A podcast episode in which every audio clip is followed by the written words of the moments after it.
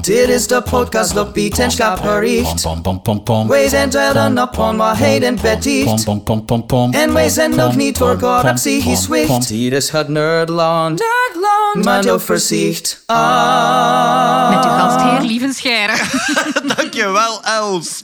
Eh, welkom iedereen bij alweer een nieuwe aflevering van het Nerdland Maandoverzicht. Eh, wij zitten hier samen op 25 september. Wij kijken terug op het wetenschapsnieuws dat ons de voorbije maand het meest is opgevallen. En we hadden direct al een leuke jingle, Els. Ja, ja, ik heb die gekregen van Bart Ketelaren. Dat is blijkbaar een film- en tv-composer bij VRT. Ik wist niet dat we dat hadden. Ik wist niet dat we dat hadden. Ja, zo erg- ergens achteraan in lokaal 4L38 eh, zit, zitten er nog zit- mensen met echte talenten. Ja, cool, inderdaad, cool, ja. cool. Die had mij dat dus doorgestuurd. Die heeft een plugin gevonden in zijn audiobewerkingsprogramma eh, waar je een licentie kunt pakken op een zangstem. En die heeft dit dus gemaakt, volledig met AI. Oké. En was dat een programma dat de Nederlandse taal eh Nee, nee, was- Nee, hè? Dus daarom dat Ja. dat van, dat van dat Oppenheimer eh, Nederlands was. Want Ja. dat is eigenlijk zo fonetisch in het Engels naar Ja. Nederlands. Er zijn dat weinig programma's, weinig programma's op de VRT die de Nederlandse taal machtig zijn. Ik wist niet dat het ging komen. Ik dacht, ik dacht echt dat Johnny Trash een beroerte had gehad. Dus alle stemmen waren AI Het is, gegenereerd. het is één stem, denk ik, die, die gewoon... eh, Ah, ja. Dus hij geeft de noten in, hij geeft de timing in, hij geeft de tekst in en dan komt dit eruit. Maar dat is wel veel werk, want die heeft echt klank per klank van Nederlands omgezet Ah, wel, naar... hij had er een filmpje bij gedaan, hoe dat hem dat doet. En Ja. je ziet echt zo gelijk een, een klavierke van een piano, waar dat hij zo blokjes insleept. En Ja. het zal ook wel zijn gigantische talent zijn, maar dat ging eigenlijk wel goed vooruit. Ah ja. Prachtig. Ja? Nou. Voilà, eh, daarmee hadden we eens een, een alternatieve jungle. Maar ik heb jullie nog niet voorgesteld. Want hier bij mij zijn Hetty Helsmoortel. Dag, lieve. Bart van Peer. Hallo. Els Aert. Hallo. En Jeroen Baart. Hoi. En wij gaan dus terugkijken op het wetenschapsnieuws. Ehm, ja, we kunnen al beginnen met... hmm, mogelijk gigantisch nieuws. Maar de kans is klein. Heb ik het nu goed omschreven? Ja, ongeveer. Ja. Wat, wat de vorige keer hadden we eh, LK99. hè, van Misschien is er supergeleiding ontdekt. ja. En goed, de kans is niet zo groot, maar als het waar is, is het eh, enorm nieuws. Ehm, voor de eerste keer bij de James Webb-telescoop zijn er signalen opgevangen van gassen rond een planeet die mogelijk op leven zouden kunnen wijzen. Ik heb Ja. nu genoeg voorwaardelijke werkwoorden gebruikt om dit nieuws te mogen brengen. Hetty, wat is er precies gebeurd? Ja, een exoplaneet. Die heet eh, heel sexy K218b. Het lijkt wel een kind van Elon Musk. Ja, Eh, die draait rond een rode dwerg. En die rode dwerg, die ster dus, die heet K1218. Dus dat zal gewoon de tweede planeet zijn in afstand. Die No rond die shit, rode Sherlock. dwerg. Tegen dat ze aan die benamingen kwamen, waren ze het echt beu. Echt, hè? Nee, eh, het is een, eh, een ster op eh, ja, ongeveer 120 lichtjaar van hier. En inderdaad, een aantal jaar geleden is die ontdekt geweest. Hè. In 2015 heeft de Kepler-telescoop die exoplaneet ontdekt. In 2019 werden daar al grote hoeveelheden waterdamp in de atmosfeer verondersteld door berekeningen. Dus vandaar dat James Webb wel specifiek focust op die eh, exoplaneet Dus de H2O hadden ze al gespot. vermoedens daarvan. En nu heeft James Webb eh, inderdaad ja, in die atmosfeer sowieso met zekerheid methaan, dus CH4, en koolstofdioxide gevonden, CO2. En misschien dimethylsulfide. En dimethylsulfide is een stof die hier op aarde alleszins alleen maar kan geproduceerd worden door leven. Door fytoplankton in, in marine omgevingen. Maar dat moet allemaal nog bevestigd worden. Het ding is wel, het is een planeet in eh, die zogenaamde leefbare zone rond een ster. Waar vloeibaar water voor mogelijk- kan komen. Voilà, ja. inderdaad. Ehm, hij is redelijk groot. Het is een soort mini-Neptunus. Ehm, is, ja, weegt ongeveer acht keer zoveel als de aarde en is ongeveer 2,5 keer zo groot. Dus ja, het is, het is wel... Soms zeggen ze superaarde, soms zeggen ze mini-Neptunus. Sub, Sub Neptune in het Engels. Sub Neptune. Klink- klinkt wel goed. Ja. Sub Neptune. Ik ga even een man in de straat spelen. James Webb heeft dat gezien, maar dat is niet optisch dat hij dat gezien heeft. hè? Nee, die, Ja, plan- ja, die planeet Ja, ja. passeert... Elektromagnetisch. Hou het simpel. Een man in de straat. Die Eh, planeet passeert voor de ster waar ze ronddraait. Zo Ja. is ze ook gedetecteerd trouwens, omdat er een, een val is in, in lichtsterkte, heel lichtjes. Van die ster, ja, inderdaad. En nu ehm, passeert dat zonlicht van die ster ook door die atmosfeer van die planeet. En Ja. daardoor, eh, in heel simpele bewoordingen, vervormt dat licht een beetje, omdat dat interageert met die mogelijke gassen in die atmosfeer. Gigas, gigaspectroscoop eigenlijk. Soort Ja, moment. inderdaad. Ja. Maar Dat, is, dat vind ik dan wel weer... Ik ben een heel slimme man in de straat. I love it. dat vind ik dan wel weer, weer, weer boeiende kwantummechanica is het eigenlijk. Hè. Dus ehm, eh, moleculen, als daar een heel spectrum, als daar eh, het hele spectrum van de regenboog van licht eh, opvalt, moleculen kunnen hele specifieke frequenties absorberen. En dus als Specifieke je, kleurtjes. Ja, voilà. Als, je, eh, als je licht van alle kleuren samen door een bepaald gas stuurt en achteraf vang je dat licht op en je kijkt welke heel specifieke lijntjes van frequenties zijn er weg, dan kun je gewoon bepalen wat er allemaal in dat gas zit. Ehm, het omgekeerde is ook waar. Eh, bij bepaalde gassen, als je, daar, als je die ja, elektrisch stimuleert, dan vallen die terug naar een lagere energietoestand en sturen die een heel specifiek kleur licht uit. Ehm, ehm, ja, bij TL-lampen, maar bij TL-lampen wordt dat dan nog, wordt dat spectrum nog breder gemaakt door wat Maar fluorescerende helium is zo stoffen. ontdekt hè, in de Ja. zon. Eh, Ah, ze, zagen, tuurlijk. ze zagen plots een, een, een lijn in het lijnenspectrum van de zon. En plots in de jaren 1800. Maar omdat dat hier op aarde nog niet gespot was, zeiden ze: Oh, dat is iets dat alleen in Helios voorkomt, in De de zon. zon, Ah. Helios, kijk eens Vandaar aan. inderdaad dat, eh, dat dat element eh, helium genoemd is. Dus Ja. zo, ja. En eh, ehm, ja, toen, toen wij jong waren, kinderen, had vroeger zo die oranje straatlampen. Dat waren Natrium. natri- natriumlampen. Ja. Ja. En die zonden heel specifiek één oranje kleur Ja. Onder die lampen zag alles er dezelfde kleur uit, omdat dat maar één kleur uitstuurde. En dat waren ja, natriumontladingslampen. Maar dus, James Webb, wisten ze, eh, was een van de grote redenen om die naar de ruimte te sturen. Die kan in die atmosfeer gaan kijken naar bepaalde stoffen. En het is altijd de, het grote doel geweest om stoffen te ontdekken die, waarvan we denken dat ze alleen door leven kunnen geproduceerd worden. En ja, van dat methaan wordt dat ook gezegd dat dat eigenlijk niet stabiel zou blijven zonder een constante toestroom.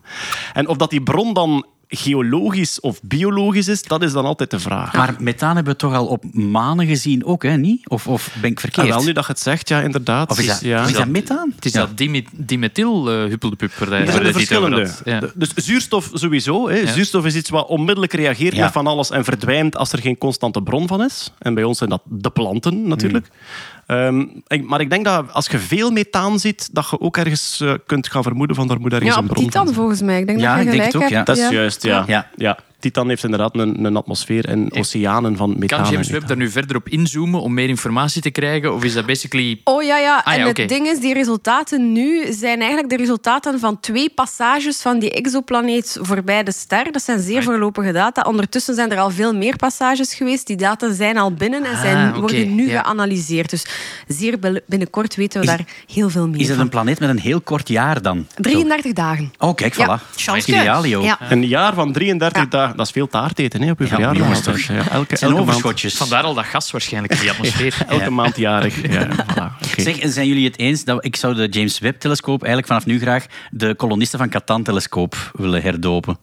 Ah, voor die, voor die zeshoekjes. Ja, ja, dat heeft echt Ah, exact ja, de ja. vorm van het speelbord. En aangezien dat er zo wel een beetje discussie is, ik moet jullie dat niet uitleggen, denk ik, over de naam van de James Webb-telescoop, vind ik de kolonisten van Catan-telescoop vind dat echt... Ja, maar het probleem Bart, het is voor dat... de- Kol- kolonisten is ook Ja, wel niet helemaal... Ah, ja, dat is juist. Dus ja, maar wacht, ze hebben, het zelf, ze hebben het zelf ook aangepast. De, Catan. De Catan. Catan-telescoop, ja. Je moet de Catan-telescoop. Civilization 5-telescoop. Ah, ah, ja, ja, ja.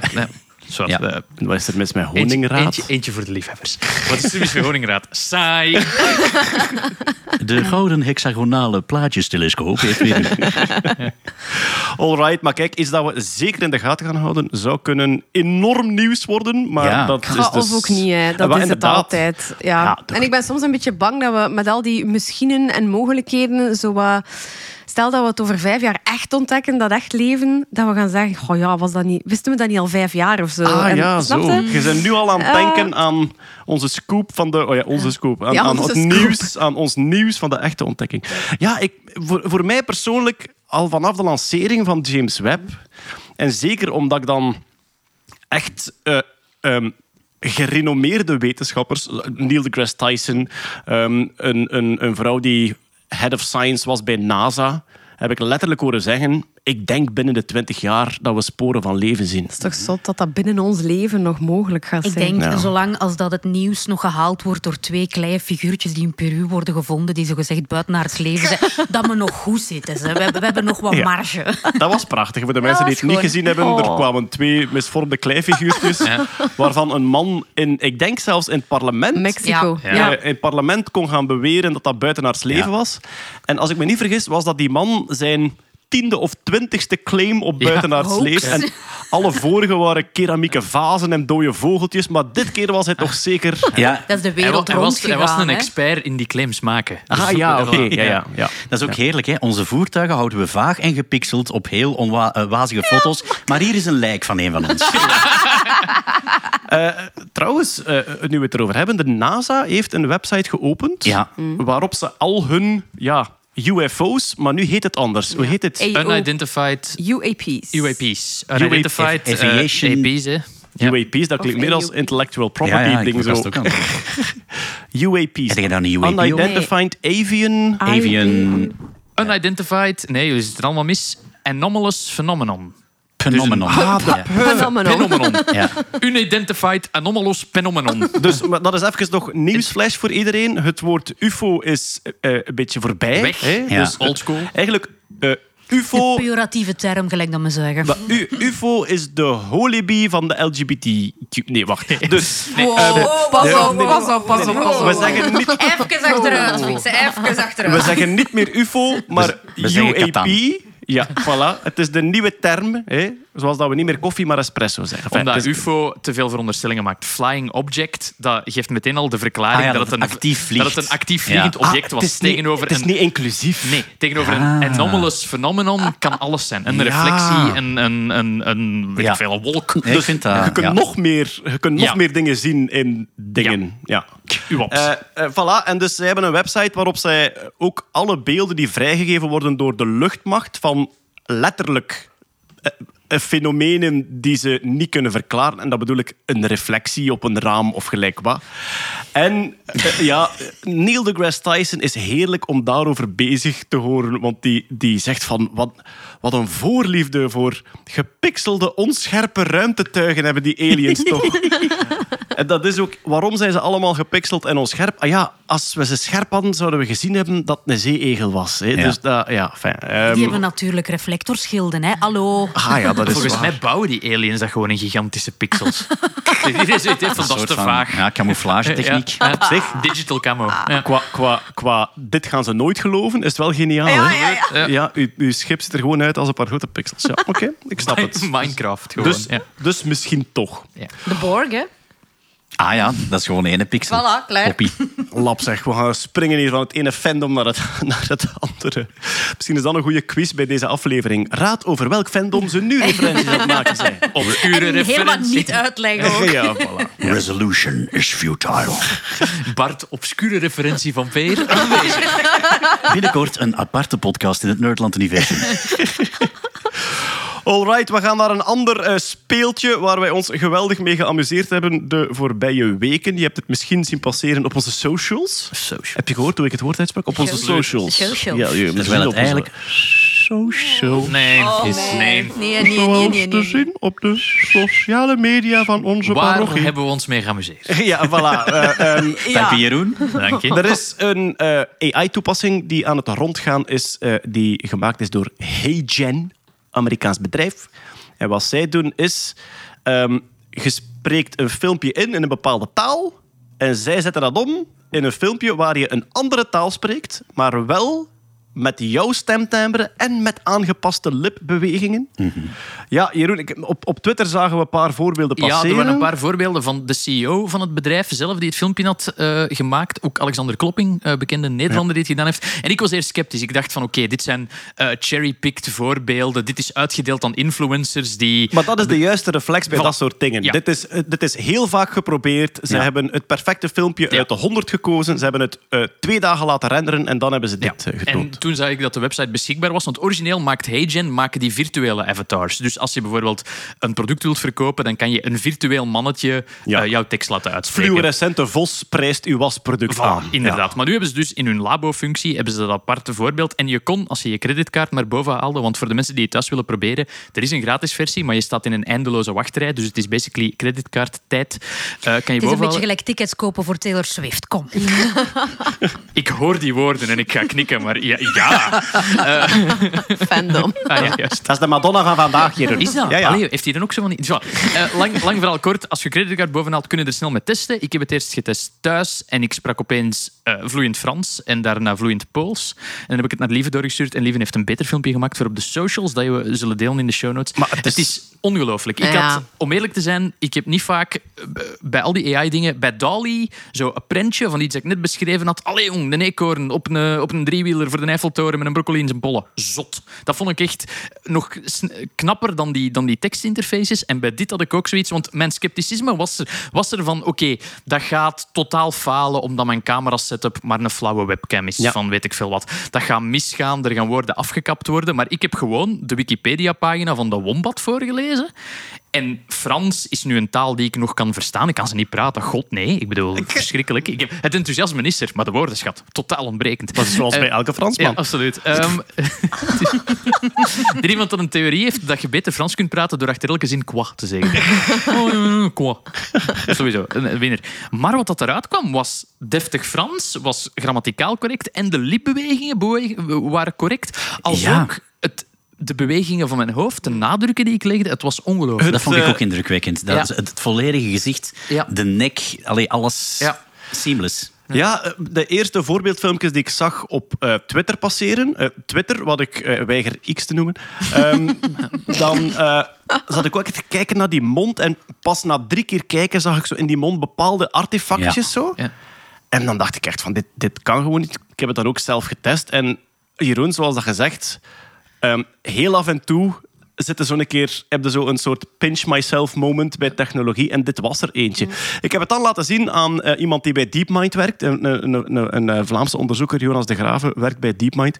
En die zei van, ja, maar al die onderdelen bestonden al. Ah, wel, ja. ja, wel. Dus, Ah, Dus als je het uit Ja. elkaar haalt... Natuur, ja, voilà. Hij, is, Ja. Hij, is, eh, hij doet fundamentele research, Ja. dus hij is enkel onder de indruk van nieuwe ontdekking. En dat is ook zo. Elk onderdeel bestond al. Speech-to-text bestond, tekst vertalen bestond, text-to-speech bestond, stemtimbre hadden we ook al laten horen Een zelfs. van, een, van, Lip-sync, ja. een van de bedrijven die mee, allee, die mee in de hele pipeline zit van die bedrijven is Eleven Labs, waar we een paar Ah ja, maanden voilà. geleden uw stem hebben Ja. nagemaakt. Zij zitten mee in dat hele proces, maar deze resultaten zijn beter dan wat we daaruit hebben uitgehaald. Wel, maar het, het, Het zijn het een heeft, stuk of vijf, zes AI's die samenwerken. Hè? maar het heeft een soort iPhone-gevoel. Alles bestond ook al. Ja, die De chips Power en dat Rangers van de AI's. En die hebben dan zo gezegd, zo van, Ja. allemaal samen, die grote Power Ja. Rangers. Het is dan nu wachten op de groene. Maar hier stopt de obscure referentie. En ook, eh, wat ik dan denk is, een fout in stap 1, een fout in speech-to-text, eh, hoorde helemaal door tot op het einde. Dus ah ja. el- elke stap zou kunnen foutjes maken. Als elke stap 95% correct is, dan heb je telkens 5% schadeopbouw tot op het einde. Ja. Dus ik vind, het, ik vind het heel knap van, van engineering en van afwerking van, van het product. Vind ik het, eh, Wat ik eerst dacht, is dat live live Nee. gebeurde. Ik dacht, wauw, hoe kan een, een Nee, ja. Romaanse taal nu qua woordvolgorde al Ja, ja. weten wat dat Jeroen gaat... Maar je moet Het dus is- iets ja, filmen. Je moet iets filmen en dan ongeveer de rekentijd, zelfs in de betaalde versie, is 10 minuten rekenen om een minuut filmpje te vertalen. Ehm, ook belangrijk, ehm, je ziet dat ze om tijd te winnen de framerate van uw filmpje verlagen van 24 beelden per seconde naar 12 beelden per seconde voor, uw, voor uw lippen. En wat denk ik dat ook belangrijk is om te zeggen, ehm, om ervoor te zorgen dat de hoofdbewegingen kloppen, want een zin in het Nederlands kan in het Italiaans Ja. vier, vijf woorden langer zijn, Ja. merk ik dat ze soms Ja. stukjes van het filmpje versnellen of vertragen. Maar dat is dus toch geniaal? Het is, wel, het is heel clever. Ik denk dat Ja. er voor, voor elk van die problemen een heel clevere oplossing gekozen is. Ja. Gaat je dat systeem kunnen breken? We hebben momenteel te weinig geld en tijd gehad om het te doen, maar ik wil inderdaad eens de, de Stevie Wonder heel hard heen en weer bewegen met mijn hoofd, zien wat dat hem daarvan maakt. Totale wartaal, gezongen Ja. tekst. Er is nog zoveel dat we Ik, kunnen proberen. Ik heb een Eh, filmpje van. Ik heb een, een, een, eh, een interview, of een stukje uit een interview van Richard Feynman eh geüpload, waarin hij zijn ongenoegen uit over de Nobelprijs. En dat is een zeer geanimeerd betoog. Dus, Ja. dus heel vaak wordt hij lichtjes emotioneel. En het is bijzonder gek hoe de emotie en de klem... Het zit, het zit echt nog op de juiste plaatsen. Ik wil absoluut niks te maken hebben met de Nobelprijs. Het is echt een enorme pijn in de kont. Ik hou niet van eerbetoon. Ik waardeer het voor het werk dat ik heb gedaan en voor mensen die het waarderen. bekend stuk, bekend stuk interview. En dit is dan het Nederlands. En dus, allee, als Feynman fan, ik herken dat stemtimbre gewoon. Hè. Ja. En Wel, het, het, het komt in audio misschien niet 100% Maar je over, ziet hem maar fronsen de- ook. Je ziet ja, hem... de fronsen Ja. en... De, ja. Heb je hem al ergens online gezet? Dit? Eh, nee, nog niet. We gaan dat nog doen, hè. Kunnen we doen, ja. ja, voilà. De Oh ja, show notes, dat kan allemaal. show notes sowieso. Ja. Maar Mogen we dat allemaal zomaar doen? ah, dat weet niemand. Oké. Dat, Ah, dat is copyright wet. Van het bedrijf, het, het bedrijf zegt zelf van je mocht de resultaten verspreiden, maar inderdaad, copyrightgewijs is dit. Ah, maar nee. Oh, oh, hier gaan heel veel advocaten heel veel geld aan verdienen Ja, de moest komende hij nog jaren. leven? Ik weet niet of hij dit Ja. zou willen. Dit is, dit is complete Wild West. Oké. Dus dit is, dit is nieuw. Niemand weet het. Meer zelfs, zelfs voordat dit bedrijf bestond, zijn de dubbingacteurs in Italië in staking gegaan. Och ja, we hebben het daar Tuurlijk, het ja. laatst over gehad. gehad. hè. Ah, voilà. Ja. En dat heeft allemaal daarmee te maken. Ehm, ben je eigenaar van je stem? Kun je, kun je, als je eigenaar bent, kun je de rechten op je stem verhuren of zelfs verkopen of wat je maar wilt. Heel die staking in Hollywood zit Ja, ook ja, zo zit wat in, in dat ding, hè? Ja. Maar dus, eh, ja, die, die dubbingacteurs, die, die hebben echt wel gedaan nu. hè. Ik bedoel, het zou heel goed kunnen dat de, de volgende James Bond film, dat James Bond Nederlands spreekt als je dat wil. Ja, ja. Met eigen stem van de acteur ook. Ja. In mijn, Ja. in mijn lezing zeg ik zelfs dat het over tien jaar niet ondenkbaar is dat eh, Tom Cruise gaat ooit verouderen of gaat ooit doodgaan. Dat ze een Mission Impossible film opnemen en dat je daar gewoon lokale acteurs in kunt steken. Hè. Ja, dat. Mission Impossible 26 Tom Waas in de hoofdrol heeft. Gewoon omdat je dat hipper kunt lokaliseren. Of voor dat de... je dat kunt kiezen voordat je de cinema binnenwandelt. Ah ja, voilà. Ja. Mijn moeder Ja. in de hoofdrol. Ja. Jeroen, deze is uw opdracht. Je kunt zelf kiezen of dat je het wilt doen of niet. Wil jij je kamer opruimen? Druk dan ja en deze bril vernietigt zichzelf. Ook kussen hè, als die bril kapot is. Want... Het is hier geen hotel, hè? Allee, dagse manneke. Ik, Zo ik- spreekt uw moeder totaal niet beweten. hè, Maar, eh, Totaal niet. Mijn moeder is uit Limburg, dus nee. En dat wil ik u zelfs niet horen proberen. sorry, mama van Jeroen. Ja, het is oké. Wij zijn ook moe, ja. Dus. kom jij garum eten?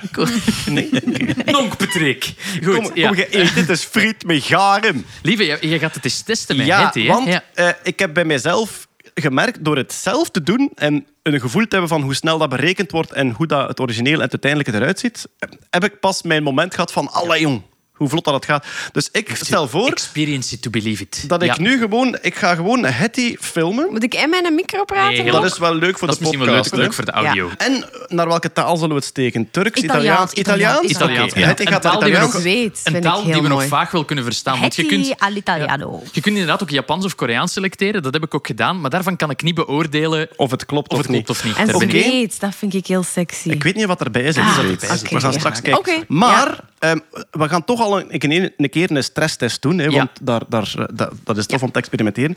Dus als je ehm, ergens in je betoog misschien best naar achter... ehm, in plaats van een woord gewoon een keer poepedi die je kunt zeggen. Hè? Dus oké. Oké. Ja. Eh, een half uur. Ik zal tekenen. Een half Nee, uur? sorry. Ah ja, 30 halve minuten. minuut. Hadden we dat niet gezegd? Ja. Een halve minuut. Ja. En recht in de camera blijven kijken. Ah ja, je moet ook niet knipperen. Hadden we niet gezegd? Wat? Niet knipperen. Niet knipperen en alleen Niet uitademen. ademen, niet ademen, ja. En wij onthouden ons van obscure referenties. Hè? Ja, oké. Wij start. moeten echt zwijgen. Volledig zwijgen. Daar gaan we. Hey, dag iedereen. We zitten hier eh, in Lieven zijn tuinhuis. We zijn een nieuwe Nerdland podcast aan het opnemen. Dat is een, een ongelooflijk toffe podcast over wetenschap en technologie. En dan zeggen wij daar dingen als piepedi papedi poepedi. ja. Perfecto.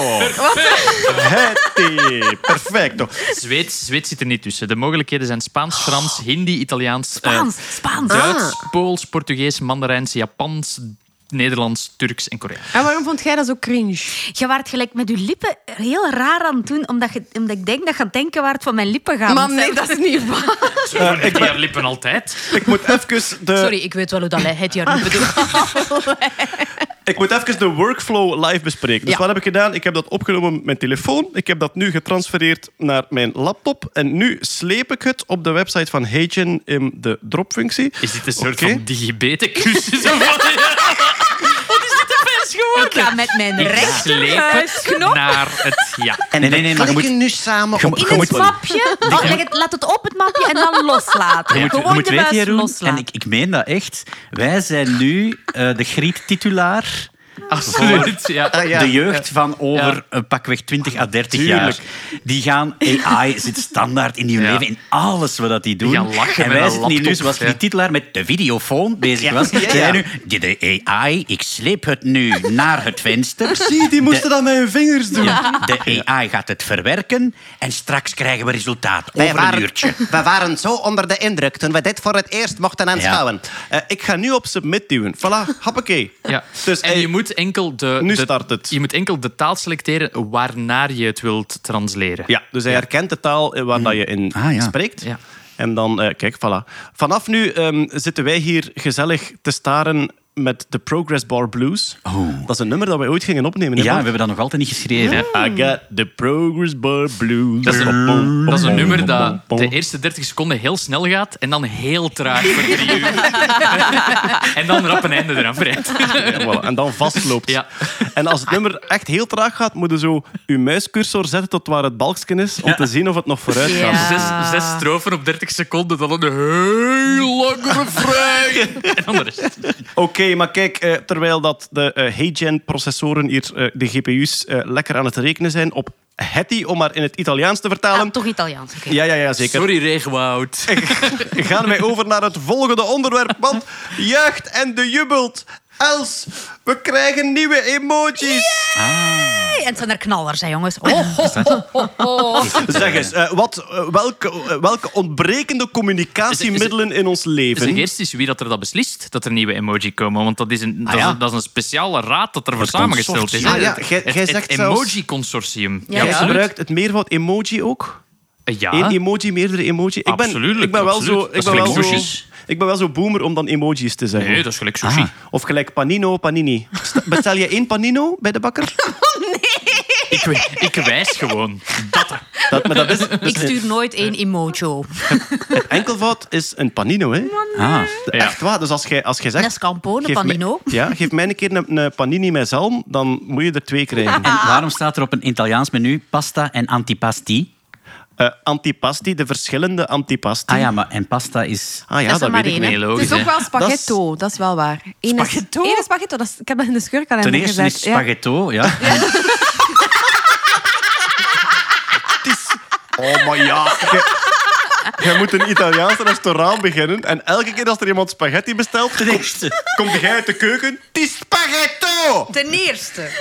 En ten tweede, ja, wij geven daar kaas bij. Of hij. Emoji dus. Ja. Is heeft dus er een hoge nu raad weer- van de emoji. Is ook Wie een heeft er nu weer de taart gestolen? Met Unicode en zo Ja, van alle. de- en daar de- zit zo Apple en Google en, en, en, en Microsoft en zo zit daar rond tafel. En die beslissen dan welke gaan we toelaten. Je kunt dus ook trouwens zelf erin sturen. Hè. Er is zo'n Ja, hele lijst waar dat die. Ja, ja, moeten ja. aan voldoen. Zoals je kan eh, dus, eh, ja. Jeroen wacht al heel lang op Venetiaanse bootpaal. Die zit er dus al in. Ja, ik heb, echt, drie jaar geleden heb ik de Venetiaanse bootpaal. Dat is zo'n paal, eh, rood en blauwe kleuren. En die, Ja. die roteert, niet zo gezegd. ba- barber- Ah, wel, dat, is dus een barbershop? of een Venetiaans bordeel. Vandaar de verwarring. En dus Jeroen dacht dat dat Venetiaanse bootpaal Ja. betekende. Dus wat, ik, was, is, ik was toen aan het fulmineren van waarom hebben we een emoji voor Venetiaanse bootpaal en niet voor dingen die daar vaker in het leven voorkomen Zoals- dan Venetiaanse bootpaal. zoals demoed. Hoe, hoe druk je demoed uit in emoji? Dat vind ik een groot manco. Sorry Els, ga verder. Welke Ja, ja, hebben het ja. gehaald? Ja, Ja, ja. Wat ontbrak er nog in ons, in ons emoji-leven? Dat was bijvoorbeeld knikken en schudden. Ah, dus ja. ja, als in verticaal Ah. en nee als Oh, in maar horizontaal. bewegen die dan vanaf nu? Nee, nee. dus je hebt een bij. mannetje die zo drie vierde en dan staan er zo lijntjes bij om aan te geven van boven naar beneden. Zo. Ja, bewegingssuggestielijntjes. Dat, hè. Ja. Dat, hè. Ehm, ja, maar dat is ook moeilijk, omdat in, in verschillende culturen betekent eh nee knikken en ja knikken eh, andere Amai. dingen. Hè? Kijk, maar we weten nu al één ding. Een emoji wordt gelanceerd en wordt nooit gebruikt in de context dat we het normaal gezien Ah, zouden natuurlijk. introduceren. Ik heb eens Dus- een, eh, een rece- recept met aubergines naar mijn moeder gestuurd. Ja. Ik heb maar mijn oren. Zeg, ja, trouwens, een, een van die emojis is zo duim en wijsvinger op elkaar die zo'n licht hoekje maken. Weten jullie wat dat betekent? Prijs, Geld? Nee, Italiaan? vuil. dat is een hartje. Wat?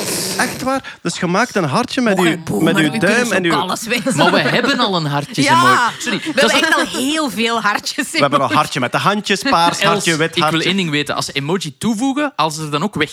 Nee. Belachelijk. Sorry, er zijn een hele hoop nutteloze emoji. Ik, eh, ik leg voor de emojis die cijfers zijn. Ja. Dat zijn emojis. Heb je het ja. gehoord? Ja, Ja, ja, die cijfers zijn. Dat is omdat ik zo kwaad ben. Waarom hebben we een emoji voor 1, 2, 3, 4, 5, 6, 7, 8, 9? Daar zijn cijfers voor. Dat is belachelijk. Emoji met standen van de klok. Belachelijk. Absoluut. Sorry, ik ben, ik, sorry, ik ben heel kwaad aan het worden. Eh, Ik- Welke ik- komen er ik, nog eh, bij? Ik ging, ik ging zeggen, je klinkt overstuur, maar op verschillende manieren. Hij is, hij is wat geklipt. Hij is Ja, wat voilà. geklipt. Allee, wat hebben ze nog Ja. toegevoegd? Een phoenix. Een wat? Oh. Een phoenix. Ik, sorry, ik dacht Ah. een Felix. Gewoon. Een, een phoenix. Wacht, een phoenix. Als, in, als in Rise from the Ashes. Ah, Ja. zo van Conchita Wurst gewijs. Want, want Vlammetje en Vogel naar elkaar, dat was niet duidelijk dan. Nee, nee. Marketingteam van Grimbergen ongelooflijk blij dat er een Phoenix Maar in ik het... denk eh, dat ze dat gaan gebruiken voor zo een hele schone vrouw. Of een hele schone man. Ah. Of een heel schoon persoon. Phoenix. Een phoenix. Nou ja, Ja. of- Allee. Emoji. Nutteloos afvoeren. Phoenix, ja. Een limoen is ook nieuw. Vind ik wel, vind ik wel goed. Die, die miste ik En wel. gewoon een, een groene citroen. Er was Ja, al een ah, citroen en nu is er ook een limoen. Dat is waarschijnlijk voor te zeuren als je zegt van die van wiskunde, dat is een vrije zure. Ah ja, Limoen, voilà. voilà. Ja. Er komt ook bij, wat dat we allemaal misten in ons leven.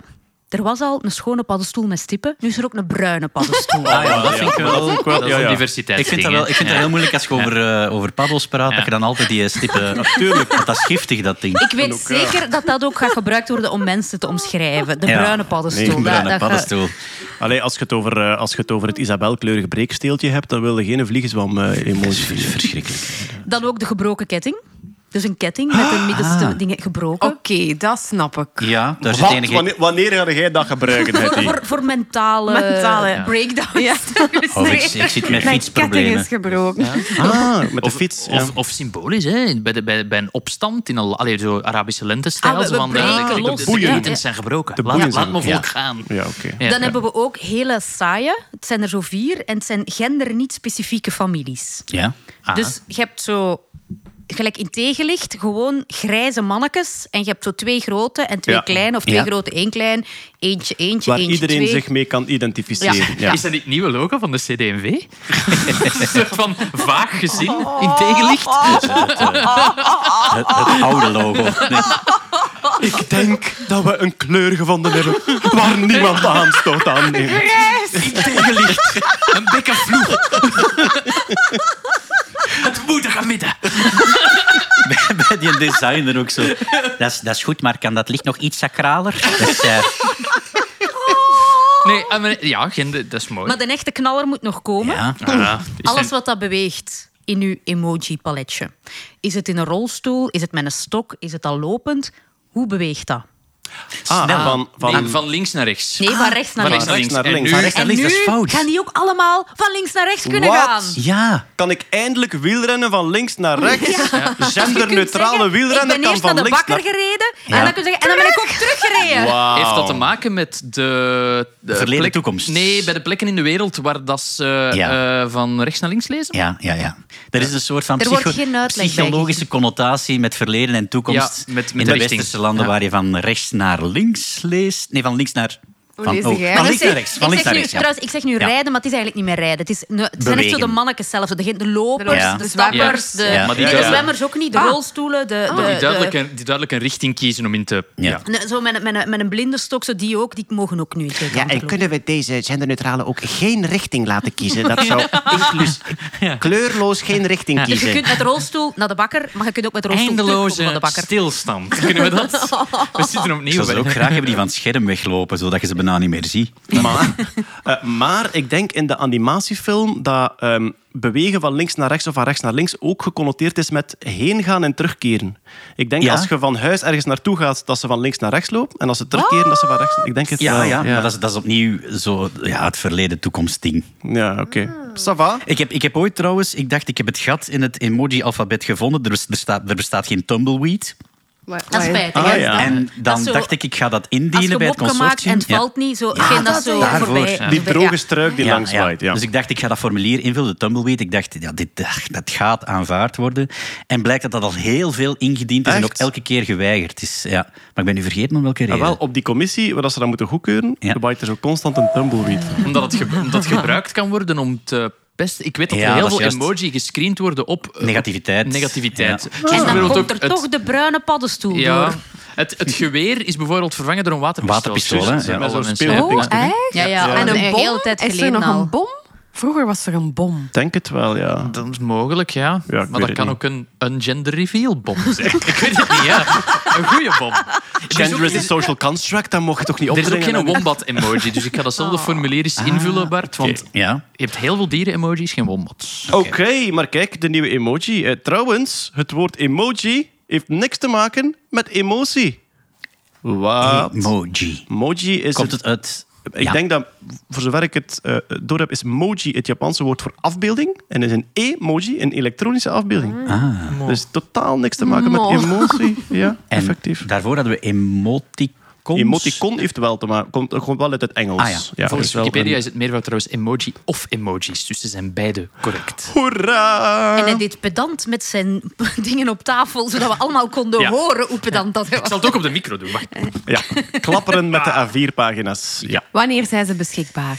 Ah, Wel ja, dat is, eh, dat is nog de vraag. Dus ze zijn nu goedgekeurd in september. En het is dan te zien hoe rap dat ze ze kunnen integreren in de verschillende systemen. Dat gaat in de loop van. Zullen we een wedstrijdje, wedstrijdje doen? De eerste, die een, eh, eh, de eerste die een genderneutrale wielrenner van links naar rechts eh, post Nee, op nee, het Twitter. is geen wielrenner. Het is een rolstoel of een loper. Of Maar de, een... wiel- de wielrenners bewegen nee, ook. hè, Maar die, maar die time. Ik mogen... weet niet zeker of dat die dat al konden of niet, maar die zitten er nu in ieder geval niet bij. Ah ja, oké. Het Ja, probleem is nu, nu dat die nieuwe emoji gekozen zijn, nu moeten ze die aanmaken in grote getallen. En ze moeten een beetje op voorhand inschatten welke dat veel gaan gebruikt worden. Bijvoorbeeld Ja, bij de introducering van het, het lachend kakske hebben ze een hele grote voorraad aan lachend kakskes gemaakt, maar die, ook die bleek te klein voor de populariteit van die emoji. Dat is en waar, zijn er ja. bepaalde emoji waar ze er twee of drie van maken. De Venetiaanse bootpaal bijvoorbeeld. Dus de- Daar heb je er altijd maar drie of vier van nodig, want mensen gebruiken die niet. Dus de productielijn draait nu al volop. Volop, om absoluut, de- ja. ja, om eigenlijk eh, alle logistieke warehouses vol te stoppen, zodanig dat wij genoeg kunnen eh, de emoji Dus eh, de grote emoji-schaarste van 2019 is nog altijd niet verteerd. Want tijdens corona waren er heel veel mensen dat emoji naar elkaar sturen. En dat was gewoon heel Die dat ook een, een linksdraaiend DNA wilde sturen, maar... eh, Ja. Er zijn mensen die nog altijd geloven dat jij serieus bezig bent Ja. op dit moment. Maar wij gaan naar het... Maar ik wil dus graag een Phoenix sturen. Hè? Als het Ah, er ja. is, gaan we gewoon Phoenixen sturen. Ah, voilà. Wie, wie stuurt als eerste een Phoenix? Dat is eh, een beetje een, eh, een wedstrijdje op eh, Twitter. Ik heb het heugelijke nieuws dat Italiaanse Hetty klaar is. Wat, nu, Wat, nu al? Ja, ja. Dus eh, daar gaan we nu eh, samen naar kijken en naar luisteren.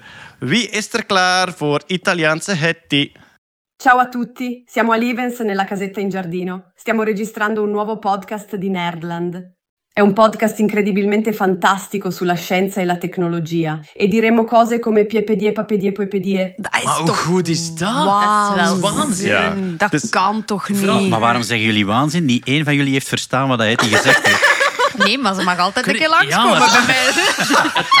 How you doing? Het deed Oh, iets. Er waren mensen Ja. online die ook zeiden dat Italiaanse, Italiaanse lieve dingen in hun broekje deed. Hè. Dus het is, Ah ja, er was zo- ook iemand die Duitse lieven, eh, die Duitse lieven wel iets vond is een hebben. acquired taste. Ja, Dries Eh, van het is- Langen of zo. Het was heel knap hoe dat... Want je hebt je hoofd... We zullen het filmpje wel online plaatsen. Je hebt je hoofd ook redelijk gekanteld. Je Ik hebt zie er wel heel, heel slecht en heel moe uit. Ja, maar dat is AI, hè. Dat, dat, dat- We hebben Italiaans gevraagd, hè. Dus, het is dat, ja. Doorleefd Italiaans. Ja, ja, ja.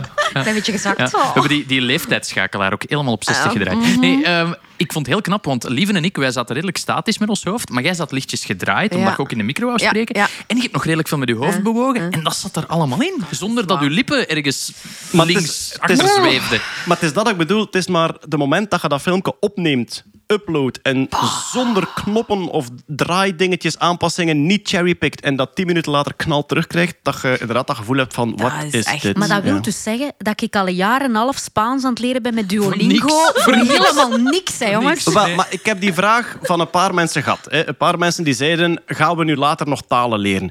Ik denk van wel... Ehm, ik praat veel liever in het Engels bijvoorbeeld. Hè, in- een taal die je echt goed kunt. Ik praat veel liever in het Engels face-to-face met iemand dan dat dat altijd via een interface zou vertaald moeten worden. Die connectie wil ik nog wel. Als het is om op reis te gaan naar Japan ja, dan gaat het niet meer nodig zijn om Japans te leren, want dat gaat veel vlotter Maar gaan via dit, die dit is bijvoorbeeld iets dat in vliegtuiginstructiefilmpjes of zo heel gemakkelijk gaat zijn. Eén een acteur spreekt het in één taal in, veiligheidsinstructies op een, op een videoscherm of zo. Ja. Of, of, of een, een, toeristische eh, interface ergens in de stad. En, Typisch ook plekken waar dat je het resultaat niet moet nakijken. Ja. Gewoon één keer opnemen, publiceren. Het Maar ook, wel goed zijn. ook gewoon in films. Hè. Allee, ondertiteling, ga, ga, dat, dat, wordt, dat is gedaan. In de landen waar gedubt wordt, zou dit wel eens... We zijn Maar ik denk dat je dan nog iets meer controle moet hebben over de intentie en de emotie. Daar gaan nog schakelaars op gezet moeten worden. eindelijk af van Duits gedubde French. eh, Friends. Ja, dat was altijd op vakantie dat we naar Ah, Duits ja. gedubde Friends kijken. Was macht sie nou, Joey? Ja, maar- dat, dat is Ja, maar. Nee, nu is Duits Dat gaat- gesproken, Ja, Friends. dat gaat blijven. Hè? Met de juiste lip-sync. Ah, was macht sie nou, Joey? Eh, maar eh, ja, ik heb, Amai, dat is wel... ik heb dit online eh, gezet, ook op, op, eh, op, op Facebook, op Instagram, enfin, op alle sociale media, waardoor dat je ook een heel breed spectrum van de bevolking bereikt. Op, eh, op Twitter heb je vooral dan het tech-enthousiasme. En op Facebook heb je veel ehm, verontruste reacties. En mensen die, er echt van, die, die zich daar wat bedreigd door voelen. Ja. Ehm, ook mensen die zeggen, ehm, kunnen we nu niks meer geloven in het nieuws? En dan dacht ik bij mezelf, ja, maar dat was al. Dat was al. Dat was al. Ja, maar ja, dat, dat, dat heeft, dat heeft, daar heeft dit niks aan veranderd. Dat was al. Je beseft het alleen meer. En wel, maar deepfakes bestaan al een tijdje. We hebben ons van in het begin zorgen gemaakt over deepfakes van niks gaat nog geloofd worden. Maar dat is totaal niet uitgekomen, omdat we is- wisten dat er deepfakes waren. Ja. Het moet helemaal niet zo goed zijn om geloofd te worden. Er zijn filmpjes die veel crappier zijn dan dit, die Dat de klopt. halve wereld rond zijn voordat er iemand zegt. eh dat kan wel niet. Ja. Ja. en net als met elke technologie die dat de realiteit probeert te mimieken, komt er na een tijd, wegens de wijdverspreidheid, ook wel een soort van nieuwe geletterdheid bij het Ja. publiek. Maar ja, ook, ik, ik vind, eh, Photoshop vind ik het beste precedent. Daar Er wordt waren veel ook- mee vergeleken, ja. Er waren enorme zorgen bij Photoshop van we gaan niks nog kunnen geloven. Wat is onze allereerste reflex als wij online een heel spectaculaire foto zien? Is dat wel echt? Mhm. En uw tweede reflex is bij mij toch consider the source. Van Ja. waar komt dat? Lees ik dat op een mediakanaal waarvan dat ik weet dat ze factchecken en waarvan dat ik weet dat ze hun reputatie niet gaan weggooien door een niet gecheckte foto zomaar te publiceren? Ja. Of komt dat ergens in een Reddit-discussie langs? Dan weet je op voorhand, ja, ik ga het Ja, niet maar dan heb je het over heel extreme foto's. Als, maar de invloed van Photoshop in, ik zeg maar iets, lingeriemodellen en, Ah en ja, in eigen beeld, in, zelfbeeld. zelf- Dat is gewoon Ah, ja. En ik denk dat een, een verzwakte, verdunde vorm van AI, dat dat onze realiteit zijn wel kan beïnvloeden. Ja, Dat is uiteindelijk met die andere technologieën ook gebeurd. Gezegd van wat dat Photoshop gedaan heeft. We hebben nu... Het is doodnormaal. Dat vind ik wel altijd iets heel raar om op sociale media een soort van filter op te zetten die dat uw gezicht mooier maakt en Mhm. daar al uw filmpjes mee op te nemen. En dan wordt subtiel linksboven vermeld ah ja, ik heb Beautify versie 3 gebruikt. En dat is... Ik Ja. vind dat dystopisch bijna, dat ik we dat doe doen. Geen, ik doe geen ene Teams meer zonder die soft focus. Hè. Dat, is, dat is de max. Hè. En daar staat nergens hè, dat er iets is aangepast. Hè. Ja. Oké. Maar ik denk echt dat mensen op den duur de reflex gaan kweken van...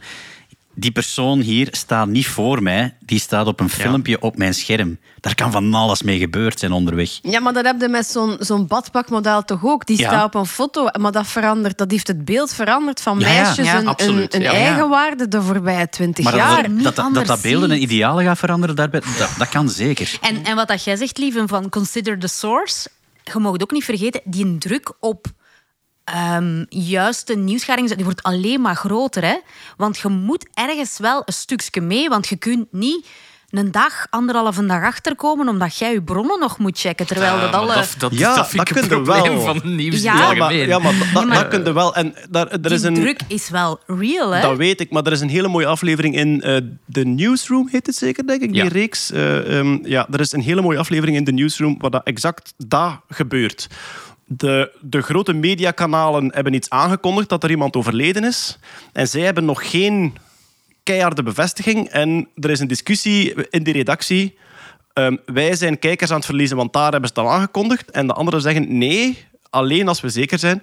En uiteindelijk, goed, het is fictie natuurlijk, hè, maar uiteindelijk blijkt dat de rest te vroeg was, dat het niet waar is.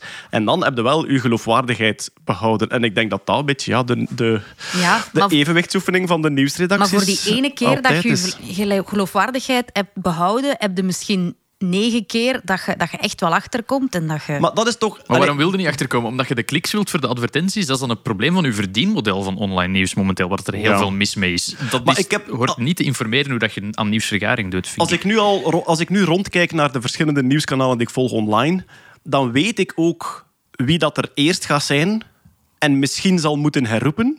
En dan weet ik ook, als het daar verschijnt, dan is het zo goed als zeker. Het ding En is dat alleen, heeft elk een- zijn kwaliteiten. Zo'n herroeping heeft nooit de wijdverspreidheid Klopt. van het origineel Ja, dat bericht. klopt, En ja. dat is ook een probleem. Hè? Ja. Goed, maar kijk. Ja, amai. Ja, sorry. De mensen zijn aan het wegstappen. Ja, voilà. Ja. Michael Jackson is dood. We gaan naar een volgend nieuwsje. Ja, Hetty, misschien eten wij binnenkort varkensvlees dat aan de plantjes groeit. Ja, echt. Wat? Misschien moet ik het in het Italiaans uitleggen. Worden we allemaal vegan of wat? Porco della plante. Prosciutto in vegetale. Oké, wat? Ja, het is, het is echt zot. Het is een, eh, een Brits-Amerikaans-Nederlands bedrijf. Het heet uh, Moelek.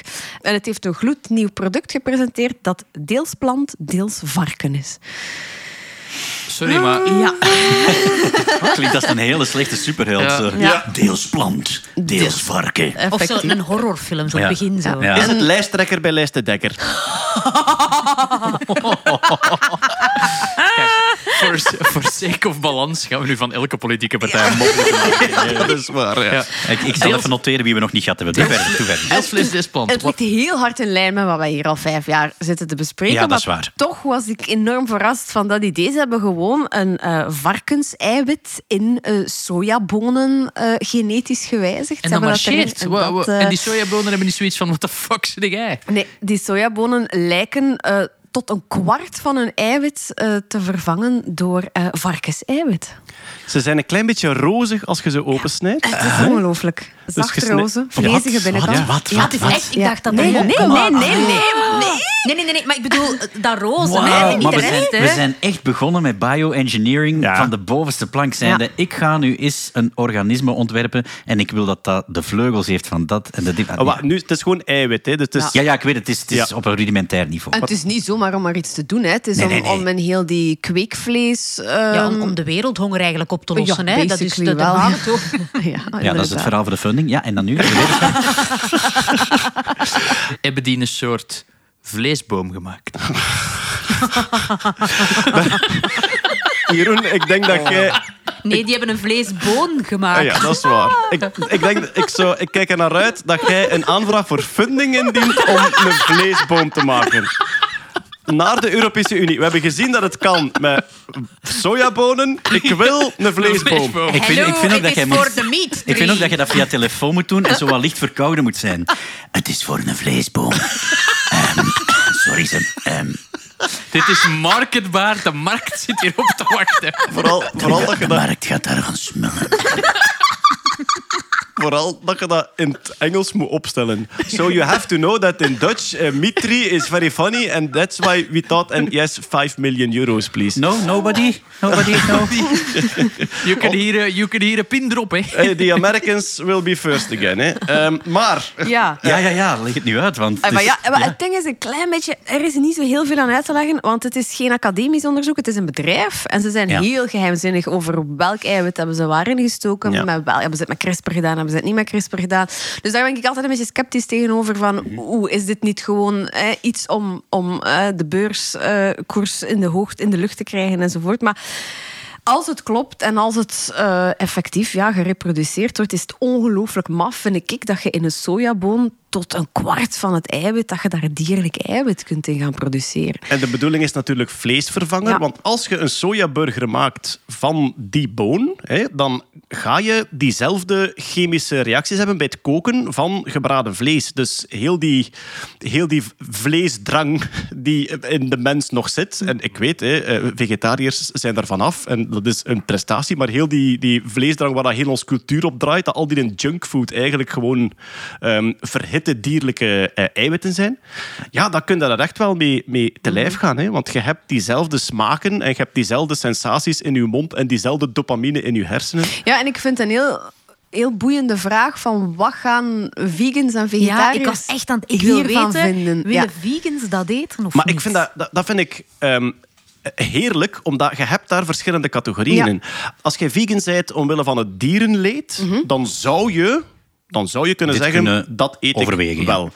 Als jij ehm, vegan bent omwille van ehm, eh, de agro-industrie, Mhm. dan zou je kunnen zeggen, ja oké, maar ik eet wel gewoon sojabonen in plaats van deze vervangers. Hè. Voor mij is het gewoon een product goed. Maar het is inderdaad, ehm, ja, ik denk dat er heel veel verschillende opinies gaan zijn binnen de, de vegan en de vegetariërs over is dit nu een goede zaak of niet.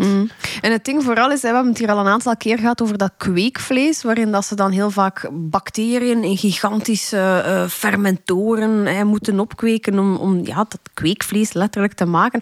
Dat blijkt ja, naar milieu-impact en naar klimaatimpact en ook naar eh, kost toe zeer, zeer inefficiënt te zijn. Energie-intensief Ja, en is- infrastructuur dat je nodig hebt. Ja, en hier kun je het gewoon bijna op een akker doen. Gezaaid, En, ja. eh, ja, ze zijn ook bezig met uh, erwtenplantjes waar dat dan rundvlees-eiwitten zouden in zitten. Hè. Dit was varkensvlees. En ook met distels waar dat ze visvetten in aan het eh, steken zijn. Dat was- ja, dat- het is- Dat is- ik vind dat Eh, ja. fantastisch. Ik ga het nu marketen. Vistels. Vistels. Dat was, Niet vistels. eh. Ladies and gentlemen of the European Union. Vistels. ik heb dus nog een idee. Vistels is echt... eh, dat gebeurt in Ikea. Vist, vistelbalkjes kunt je... Zijn er nog vistelbalkjes? Dat klinkt zo fout. Maar ja, de visdistel, als ik het las, dacht ik ook van, wat is dit zelfs? Zeg het zoals het nu heet. Vistel. Vistel. Ga maar buiten spelen, maar prikt u niet aan de vistels. En ik weet ook niet waarom dat mij dat zo ongelooflijk van mijn stoel heeft geblazen. Want het is eigenlijk gewoon waar dat we al super lang over bezig zijn. Genen van het ene organisme in het andere steken en een beetje Iemand aanpassen. moet Maar- het doen. Ja, het is, ja, ik vind het heel boeiend. Ja, het heel ja, boeiend. absoluut. Ja, ja. Ik denk dat dit het moment dan is voor onze sponsor van de maand, McDonald's. Eh, de nieuwe Mac-menu voor 4,99. Wat, en wat doen die precies? Wat, eh, 4,99 voor een Mac-menu? Hoe lang is dat geleden dat jij nog bij de McDonald's zegt? Amai. Geen sponsor, hè, voor alle duidelijkheid. Ja, maar ja, Geen sponsor. geen Ze mogen mailen, maar Ja, oké. ik weet het ja, niet. is wat. Alright, we gaan naar een blokje space. Er is een blokje space. Eh, wat eh, is Sorry, er ik ben allemaal al van elk topic vandaag van mijn stoel geblazen, dus Space gaat echt zijn moeite moeten doen om saai te zijn. Voilà, daar gaan we. Er is een asteroïdenstukje geland. Godverdomme, ja. van mijn stoel geblazen werd. Van, gisteren was het, hè? Gisteren, ja, Ja. 24. Ja. Eh, wat is er gebeurd? De Osiris-Rex-missie is teruggekeerd. Daar hebben we het hier volgens mij ook al een paar keer over gehad. Maar een recap. Lang onderweg eh, geweest. Ja, lang onderweg. Gelanceerd in 2016. Is eh, in een baan rond de planetoïde Bennu terechtgekomen in 2018.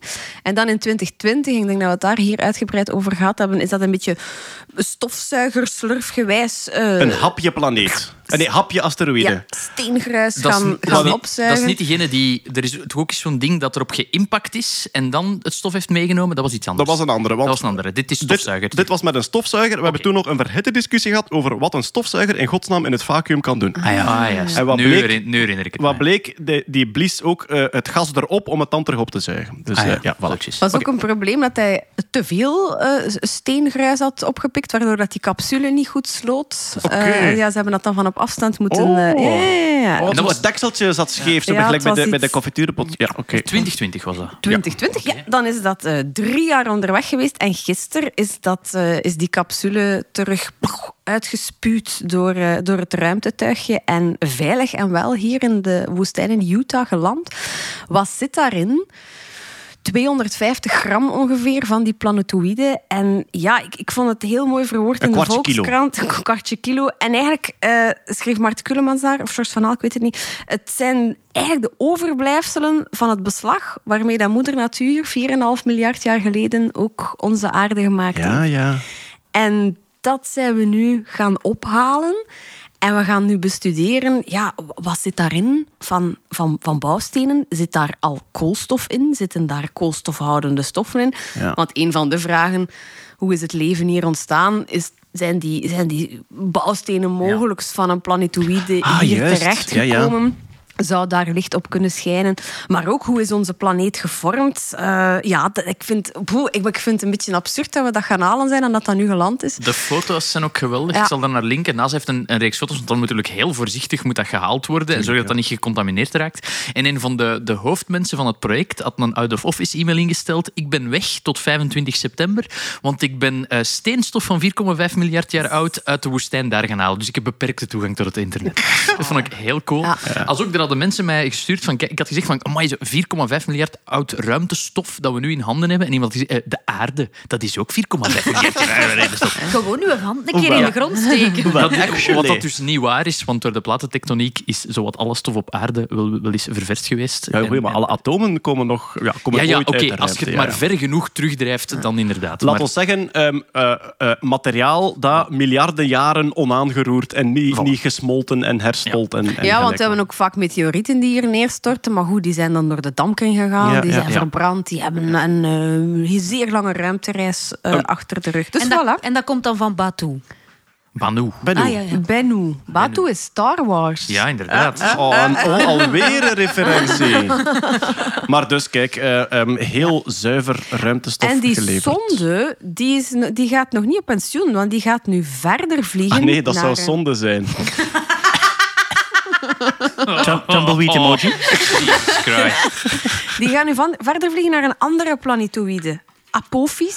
Ah, die wacht, gaat ja, ja. daar- Dus niet, niet de capsule die geland is, maar de zonde die nog in een baan rond de aarde is. Ja, ja, die gaan nu verder vliegen naar een andere een die in 2029 eh, langs de aarde heen zal scheren. En daar gaat hij dan nog 18 Allee. maanden. Oh, ja, dat is echt zo echt, eh, asteroïde Deliveroo. Ja, Ja, ja, inderdaad. ja, ja, zo. ja, echt. Pakketje afleveren, Ja, terug naar de nee. volgende Ja. opdracht. Ja, oké. Ik hoop dat hij ook zo een, zo een eh, oranje fraksje aan heeft, die, eh, die, die zonde, hoop ik.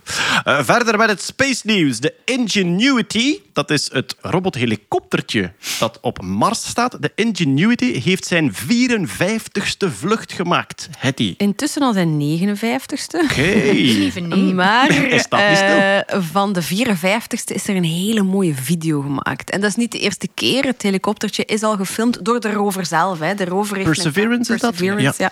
In 2021 zijn die samen geland op Mars. Dus die filmen en fotograferen elkaar af en toe. Maar van die 54... Zo'n Instagram, Ja, ja, ja. maar Instagram koppel. echt cool. De zon staat zo schoon. Ga ik een foto trekken? Het is weer golden hour. Het is weer golden hour. Voor de Insta. Maar ik vind, deze vind ik heel mooi, omdat je ziet echt de, de bergen van Mars in Ja. de achtergrond. Heb je dat ook gezien? Ja, ja, het is, schoon, hè? prachtig. En eigenlijk, je ziet alleen maar je ziet een filmpje van ja, een stomme, hoe heet dat, eh quadrocopter zeker? Het Ja, ik weet het niet, quadrocopter ja. die op en neer gaat. Maar het, i- nog altijd het idee dat dat, dat is zo indrukwekkend. Dat had ik ook. Dat, is niet de dat dat was niet de bedoeling dat dat zo lang meeging. Nee. Toch? Ze zijn daar nu toch eh, vluchten mee aan het doen die dan ze dachten van, dat denk- dat tien keer meeging, Hij vijftien ging keer meeging. vijf à tien keer Ah, voilà, moest ja. hij meegaan om aan te tonen, kunnen wij met die eh, beperkte Atmosfeer, luchtdruk, ja. atmosfeer, kunnen wij Ja. vliegen. Maar nu zit hij dus al aan zijn negen, en 59ste vlucht. Het leuke is, je kunt heel die flightlog kunnen volgen online. Dus dat wordt altijd gelogd met nieuwe foto's. En ja, het is, het is Hoe de cool is dat? Nu mag Jan en Alemander eens. En die gaat er al mee geweest. Ja, dat is, Ieder is, zijn tour. dat is nog zoiets. Je kunt dat niet, je kunt dat Nee, niet, zoals niet een- live. Nee, nee, ja, je kunt nee. dat niet als een drone besturen van op aarde, want je signaal is 20 minuten onderweg. Dus je kunt niet zeggen, nu een bochtje naar links, dan reageert hij 20 minuten later. Dus dat moet allemaal... Die acht minuten. Nee, eh, acht minuten is de Is aarde de zon- naar de, dat is is de aarde naar de de zon. is acht minuten. En Ja, bij Mars, af bij Mars hangt het af van waar staat, dat hij is in de, in de het is baan is. Ja, dus het kan Maar ik kan het ook, Bart. Ik zag het en ik dacht, maar wat zijn wij mensen eigenlijk aan het Het doen? is, het is gewoon het is een filmpje dat, mocht het, mocht het de aarde zijn, het betekent echt niks. Nee. Ja. Ja. Maar ja, Ik- ja, voilà. craziness. Ik, ik herinner mij die momenten, en het was niet de Perseverance, maar de, de Marsrover nog eentje ervoor. Curiosity. Ja, de landing van de Curiosity. Ik herinner mij die eerste haarscherpe foto's die binnenkwamen. Echt koude rillingen. Zo dat, omdat dat, ik denk bij de vorige missies waren die foto's ook veel korreliger van Mars. En zo van die oude korrelige foto's geven nu altijd zo'n soort afstandsgevoel van natuurlijk, dat is onherbergzaam. Maar zo die eerste haarscherpe foto's, dat gevoel van wij zijn daar.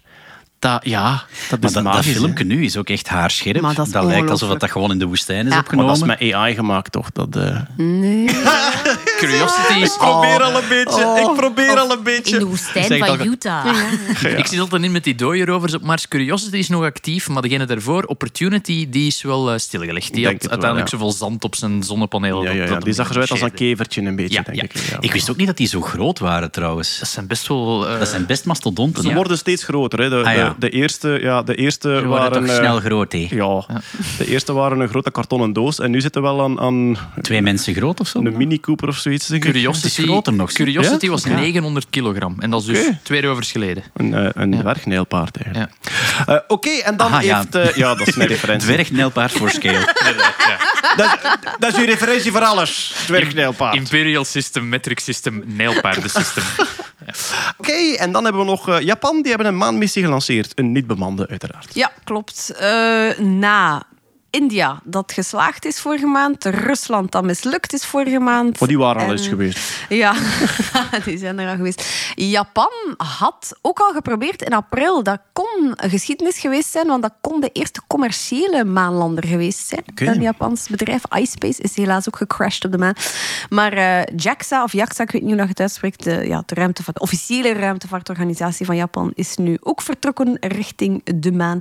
Ik heb het vorige keer al gezegd, hè, zij willen een soort ja, parkeersensor voor maanlanders uittesten. Hè, waar maanlanders voorlopig op dit moment nog landen in een zone van een paar vierkante Ah kilometer. ja, natuurlijk. Nu dat er ook... precies de Moon. Sniper. Ja, de Moon Sniper. Ja, nu, nu dat er ook vrouwelijke astronauten naar... naar- Iemand moest het doen, toch? Ik, nee? ik- nee? Bij mij was hem niet mee opgekomen. Echt waar? Ik was daar bezig met dat dat past op het metrum van we gaan naar de maan. Japan naar de maan. Alsjeblieft. Ja. Ja. Nee, voilà, ze willen tot op 100 meter nauwkeurig kunnen landen. Eh, komt aan begin 2024. Dus dan gaan we zien Alright. of het lukt of niet. Ah, die is wel lang onderweg. Ja, drie, vier maanden. Allee. Ja, gek, ah ja, die neemt, niet de, die neemt niet de korte weg van de, van de menselijke ruimtetuigen. Ah ja. Dat is drie dagen. hè. Ja, inderdaad. Ja. En wat gaat die sensor juist doen? Sorry, ik denk dat ik Ah, ja, ja. Heel precies landen. Ja, dus Gewoon zorgen voor Echt? parkeerassistentie. ja, voor echt op 100 meter nauwkeurig landen. Als dat in de toekomst... Er gaat, hè. er gaat eerst een klein, een klein ander robotje eerst landen, dat dan met een soort van handbewegingen moet... En er zit Ja, ook, eh, nog een beetje, nog een beetje. Nog... Ja. Stop, stop, stop, stop. er zitten ook ehm, eh, twee CPU's in die landende robot. En de ene probeert te landen en de ander geeft commentaar Ah, daarop. ja. Nee, pas op, pas op. Van die, nee, maar, alle- maar, Frankie, hoe doe jij nu? Dat is eh, ook de naam van de maar, missie. maar liefke, moet ik, aan- moet ik aan... Ja, maar... Dat ik aan... Ja, maar, En wordt er dan uiteindelijk ook beslist van, we zijn terug naar huis. Het hoeft niet meer van mij, we zijn terug naar huis. Of, of zo, als je bijna beneden bent... Nee, nee, nee, nee, ik ga toch ergens anders staan. Want het gaat niet, gaat niet. We gaan nog een verdiep lager staan. Ja, ja, ja. Daar is een grotere plek. Ja, ik ik ga heb dat proberen. nog een plekje gezien, denk ik. Alright, dat was het space nieuws Yes. voor eh, deze maand. Eh, we hebben het vorige keer al gehad over Baldur's Gate. Eh, het eh, ja, spel dat, en we, we hebben amper overdreven, hè, het, spel dat echt ehm, eh, heel populair is over de hele wereld, dat enorm goede recensies krijgt. En van Gentse makelij, in Ja. Larian Studios. Eh, maar Jeroen, daar bleek nu toch iets aan de hand te zijn. Dit is een spel waar er zoveel mogelijkheden zijn. Daar kunnen ook heel veel foutjes insluipen. En een van de foutjes was, eh, het is maar een kort fedivertje natuurlijk, eh, sommige van de karakters, je ontmoet een hele hoop karakters die je kan meenemen op je reis, die je in je team kan steken. Die karakters van verschillende plumage. Je hebt een magier, je hebt een soort van troll, je hebt weet ik veel wat allemaal. Die karakters die waren te geil. ik kan het niet anders zeggen. Je kan romantische relaties aangaan met de karakters die je tegenkomt. En ik weet nog heel goed dat ik een bepaalde tovenaar En eh, elke nacht ga je slapen in je kamp. En voordat we gingen slapen in het kamp, had hij al zoiets van... Oei, We poepen? Zo van, ik heb u letterlijk vandaag van een hoop trollen gered. We kennen elkaar amper. Ja, maar ja, Deze is een beetje rap. Dat was dus een bug die ze eruit gehaald hebben. In bepaalde omstandigheden kon dat voorkomen. Het doet me een beetje denken aan... De, trouwens, Larian is heel goed bezig met alle foutjes eruit te halen. Heel grappige dingen die Dus ze er ook opeens uithalen. voelden al die mannelijke gamers zich vrouwen. Ja, ja, inderdaad. Zo, zo. Zo ongeveer, Welkom ja. in de echte wereld. Het doet me een beetje denken aan die bug die ooit in Civilization zat. Civilization, waar je verschillende, ehm laten we zeggen, eh, eh, naties over de hele wereld tegen elkaar laat uit, uitvechten. Daar zaten ook historische figuren in. Eh, in een van die versies van eh, Civilization zat Mahatma Gandhi. Iemand die laten we zeggen, toch redelijk vredelievend is. Maar door een of andere fout hadden ze die het laagste cijfer willen geven, maar ze hadden één bit te ver getikt, waardoor dat die in plaats van rollover. agressiviteit 0, agressiviteit 999 had. En dus je begon dat spel te spelen en Gandhi stond binnen de twee beurten aan uw deur met nucleaire wapens. Wat is het, hè? Dus dat- I will ja, nuke the ja. world! Daar deed het een beetje aan denken. Dit zal ook een Zeg, soort maar, van sorry, maar, meester, ik heb weer slecht opgelet. Dat was door een bug ook dat bij Baldur's Gate die dingen te Ja, horny dat was waren. Ah, bug. ja. Dus Ah ja, ook gewoon ja, horny level. Ja, een Horny parameter level, die... voilà. Ah, wel, ja, je, oké. hebt, je, hebt in, je hebt verschillende levels voor u. Waar, waar zit jij verantwoordelijk voor? Voor het horny level. Dat kan beïnvloed worden door de acties die je doet. Als je bijvoorbeeld Ja. als je, van, een- als je ergens bij een of andere beslissing iets doet dat een karakter niet apprecieert, bijvoorbeeld je beslist ervan van ah, in dit, dit eh, geschil ga ik zo oordelen, kan het, dan zie je links van boven aan je scherm mhm, approves, disapproves. Ja, als jij... Je hebt dus elk, elk van die karakters heeft een cijfertje. En dat gaat hem niet alleen over ehm, hoe tof vindt hij u, maar dat gaat hem over vindt u u sympathiek, maar ook vindt hij u eh, aantrekkelijk. Aantrekkelijk, ja. Maar, dus je kunt ook angst, eh, angst hebben voor personen. Je kunt dat spel, want ik heb een paar recensies gelezen, je kunt dat spel spelen als een complete bully. En ervan uitgaan, ik maak iedereen zo bang van mij dat ik overal doorgeraak. Je kunt dat spel ook op empathie en op samenwerking spelen. En dus Je kunt ergens... dat spel ook spelen als je rondje baart en alles verkopen wat er los zit. ik raak nergens in dat spel, omdat ik iedereen zijn bestek aan het stelen ben en aan het vloggen ben op de markt. Ik heb, ik heb eh, empathie geprobeerd in het echte leven, dat marcheert Nee, dat niet. marcheert Dus- Oh. Maar, oh, maar dus, ehm, dus als die, oh. als die cijfertjes een bepaalde waarde krijgen, dan kun je romantische relaties aangaan. En de bedoeling is dat daar een opbouw voor nodig is. Dat je dan heel vaak samen opgetrokken hebt. En dus bij verschillende personages, en vooral bij Ja. stond dat gewoon fout afgesteld. En dan is, hi, I'm Gale. How you doing? Het was heel snel. You, you, you smell nice. Dat was een beetje het, het probleem. En het eerste wat ik dacht als ik dat las, was... Mijn vriend Tim heeft dat spel geplaytest. Die had daar geen problemen mee, duidelijk. Die dacht van, dit is hoe de wereld er zou is moeten uitzien. vond dat nog lang geduurd heeft. Dan ook waarschijnlijk dat je zo als, als gamer s'avonds op café zit, dat er iemand naast je op zit van hey, hoe gaat het met jou? Dat je bij mij denkt, dit is vast ook een bug. Hey, how are you doing? Ik verkoop eh, vleesbomen. Bestek kopen? Bestek ge- gepikt van die madame hier links. Niet alleen bestek, alles dat los zit. Ja, voilà. Meubels. Alright, eh, AI-nieuws. Uiteraard, oh, daar is een jingle voor. AI, AI, AI, AI, AI, AI, AI. Is het een zegen of onze grootste wens? Of is het de ondergang van de mens? Het is de toekomst. Artificial intelligence. Zeg, weet je trouwens dat Johnny Trash deze keer bij eh, Welcome to the EE zat? Kei goed, hè? Wat een toffe mens. Ja, Is dat- ja, ja, heel, heel, ja, heel ja, erg de moeite om te beluisteren. Ah, dus. Johnny ja. Trash, die onze jingles eh, inzingt, eh, Ja. is de gast in de aflevering Welcome to Ja. the EE. Ja, ik ben er Voilà. helemaal warm van. Ah, Ja, allemaal luisteren. kerel. Het AI-nieuws. Ehm DALI 3 komt eraan. Ja. Dus we hebben DALI 1 gehad. DALI 2 was de echte doorbraak, hè, want DALI 1 was nog veel Uncanny Valley en Dan hebben crappy. we Benja- Benjamin Dali gehad. Iets een, terug, een terugstap. Zie, ik ben alle partijen aan het afgaan nu. Hè. En, en ik zeg nog gehad, maar eens dat het tumbleweed-emoji, dat dat echt... Dali 3. Ehm, ja, DALI 3. eh, er is, ja, het is nog niet beschikbaar. hè. We kunnen het nog niet testen. Vanaf oktober, denk ik, eh, Ja. kan ik het beginnen testen. Ehm, vanaf oktober is het voor betalende accounts. en jij hebt betaald. ook, hè. Ik gebruik het in mijn voorstelling, dus ik moet wel. Ehm, ja, ehm, wat, eh, wat is er al over bekend? Het zou heel erg samenwerken met ChatGPT. Waardoor dat je niet meer zo gericht moet prompten, maar gewoon ehm, in lange zinnen kan omschrijven wat dat je wil. Ehm, Ja. klinkt als mijn huwelijk. Ehm, dus, eh, maar, eh, Dat is geen politieke partij. Waar komt dit vandaan? Nog niet.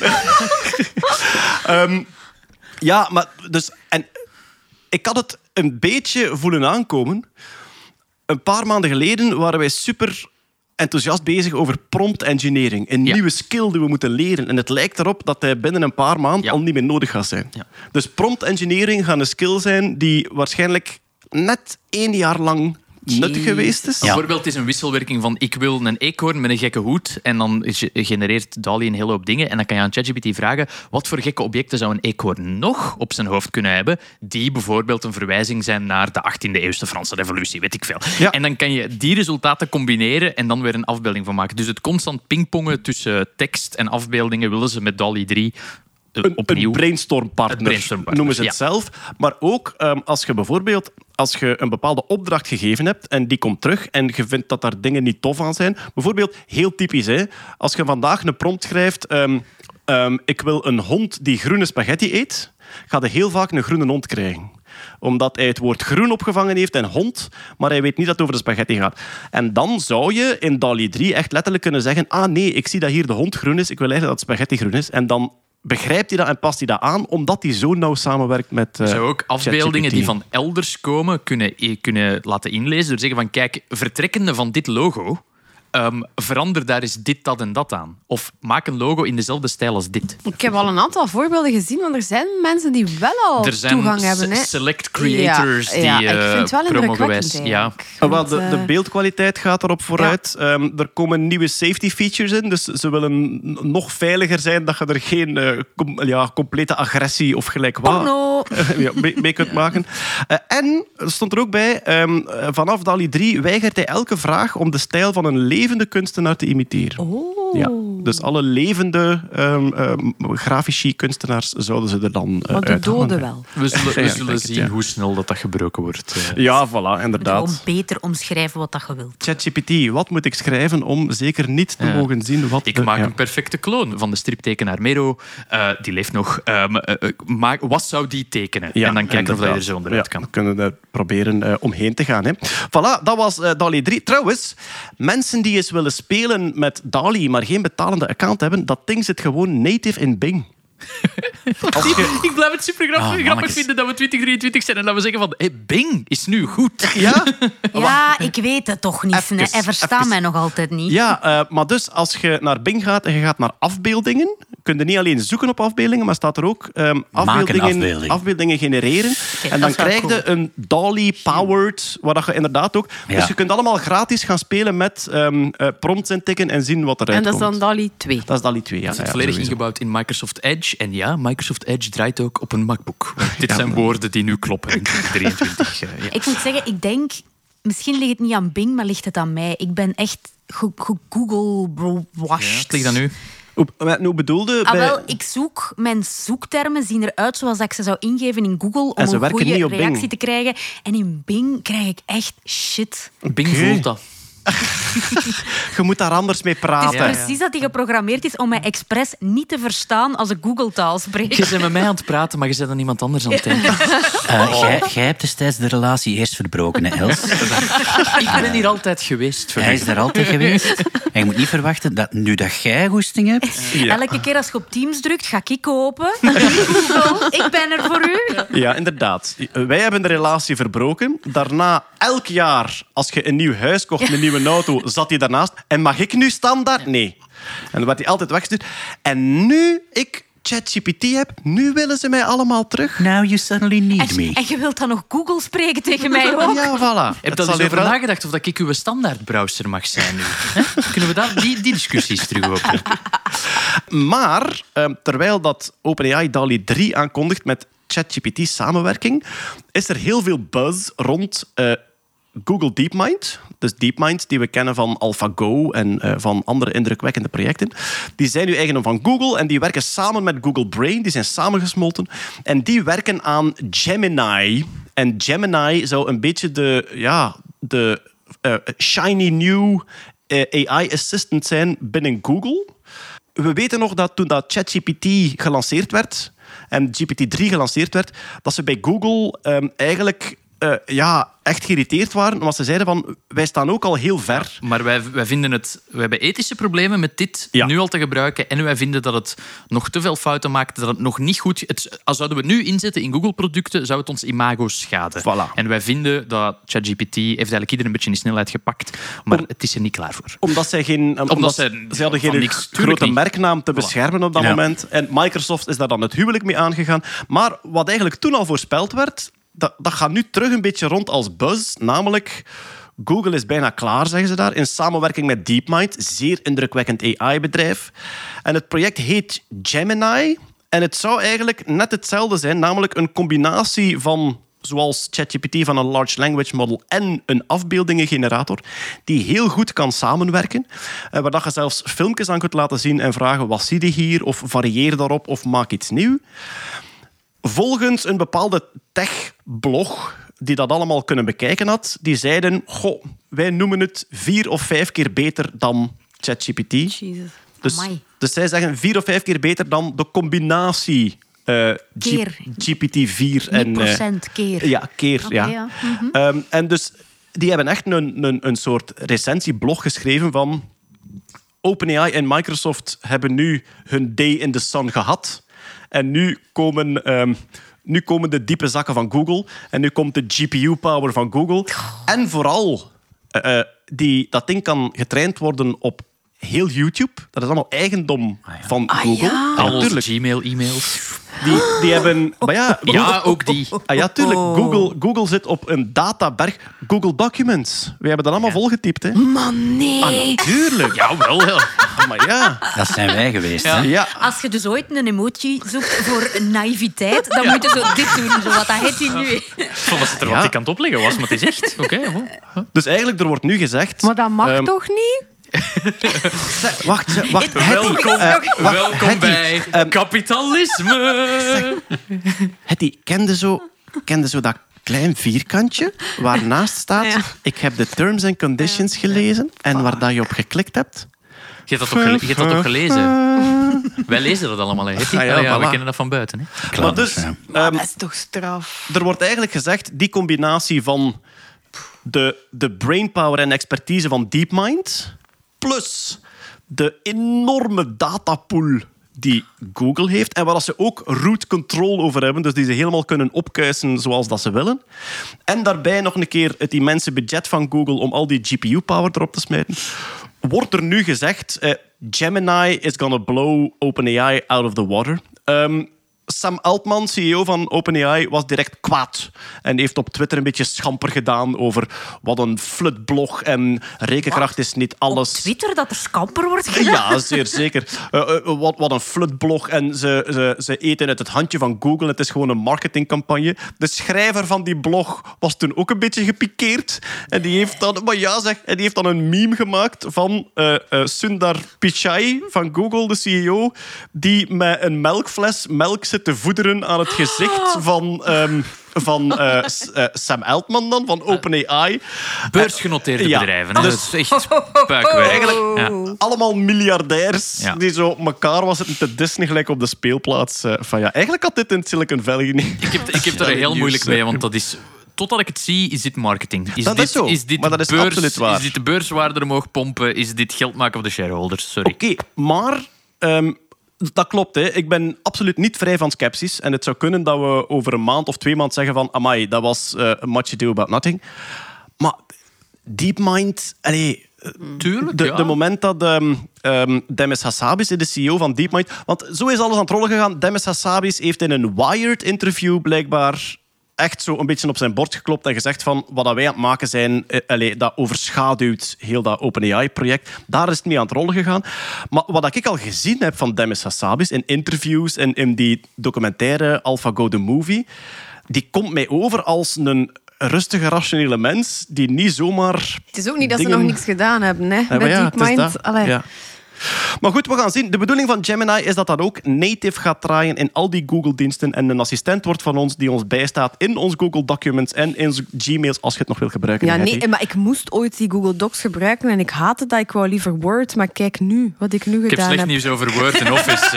eh Ja, dat is waar. Ja, Wat een fun is dat nog? ja, er komt ook een AI-assistent in. ja voilà, inderdaad. Clippy komt terug.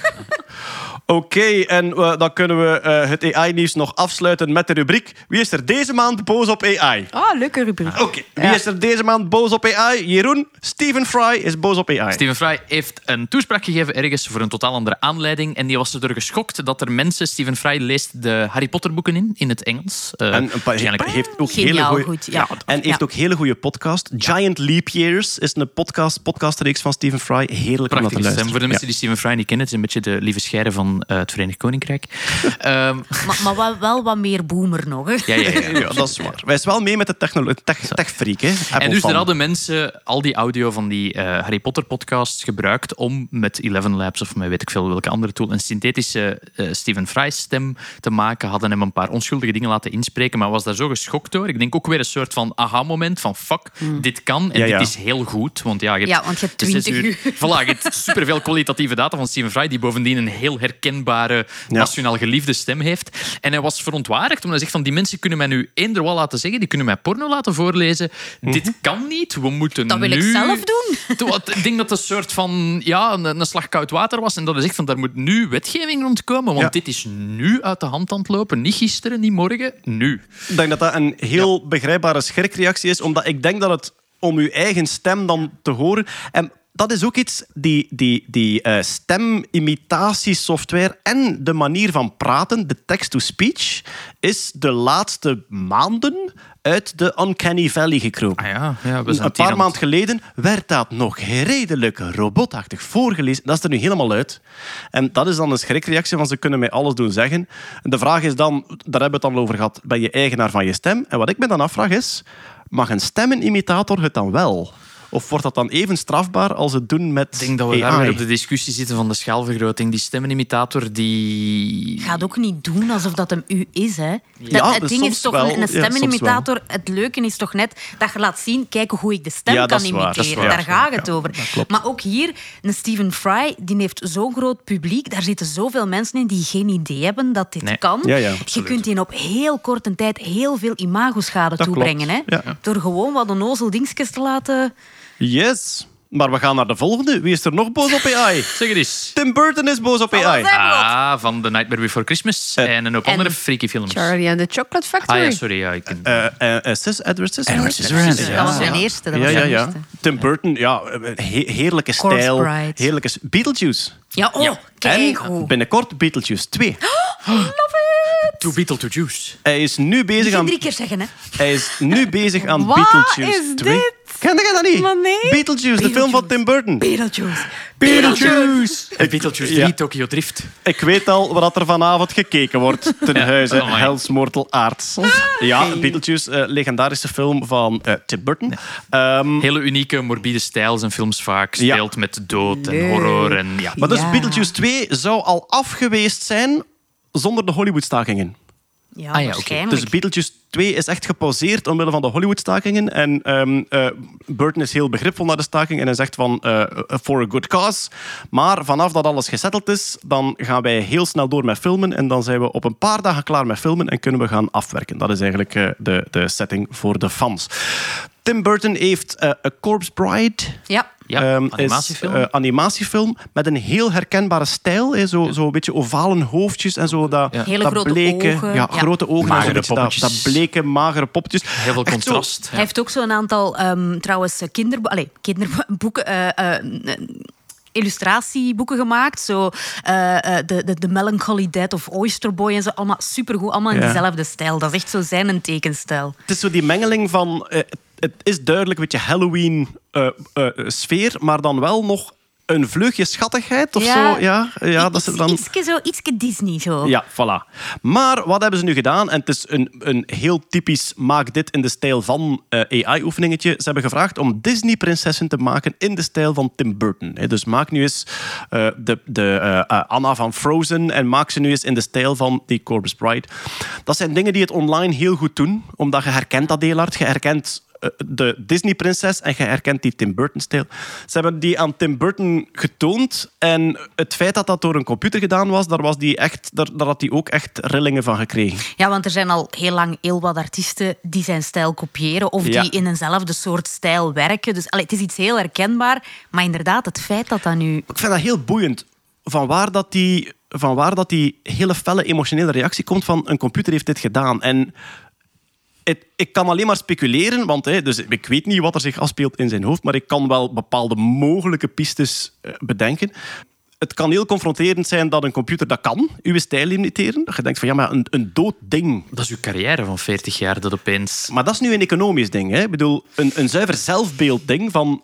Ik dacht dat, ik dit, dat dit mijn unieke talent was. Of dat een mens dat geïmiteerd heeft, daar kan ik nog mee om. Maar dat een dood machine dat doet, als algoritme, dat vind ik dan... Hij zei het is- iets het is van, het voelt alsof dat mijn ziel Ja, wel. gestolen en en is. hè? dat, dat illustreert hoe, hoe hard hij zich vereenzelvigt met dat talent. En dat is voor heel veel artiesten zo. Tuurlijk. Die zijn nooit begonnen eh, met die métier, denk ik, als, als bedoeling dat dat een job ging worden. Die deden het al voor dat ze economisch moesten nadenken. En voor hen is dat, voor veel artiesten is dat een, een bijna een therapeutisch proces, hè, creëren. Dus dat is, dat is eigenlijk constante zelfontplooiing. Zie je Dus- ook de, alle commentaar van Nick Cave op AI. hè. Hij zegt van je moet lijden voor je kunst. En een Ah, computer wel, ja. lijdt niet. Maar het feit dat het zo bedreigend, eh, bedreig, of dicht bij uw zelfbeeld, of ja, heel gevaarlijk dicht bij uw zelfbeeld komt staan als doodmachine. Ja, het, het voelt aan als identity theft. Hè? Ja, wel, hij, hij zei ook, Tim Burton zei, ehm, ik moet nu plots denken, zei hij, aan ehm, die culturen waar ze vroeger niet wilden dat je een foto nam. hè, dus eh, in het begin van de fotografie.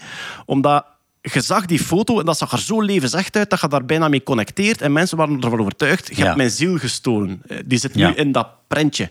En hij zei, ik heb een gelijkaardig gevoel. Ja. Het pakt iets af van mij, omdat het er zo levensecht uitziet.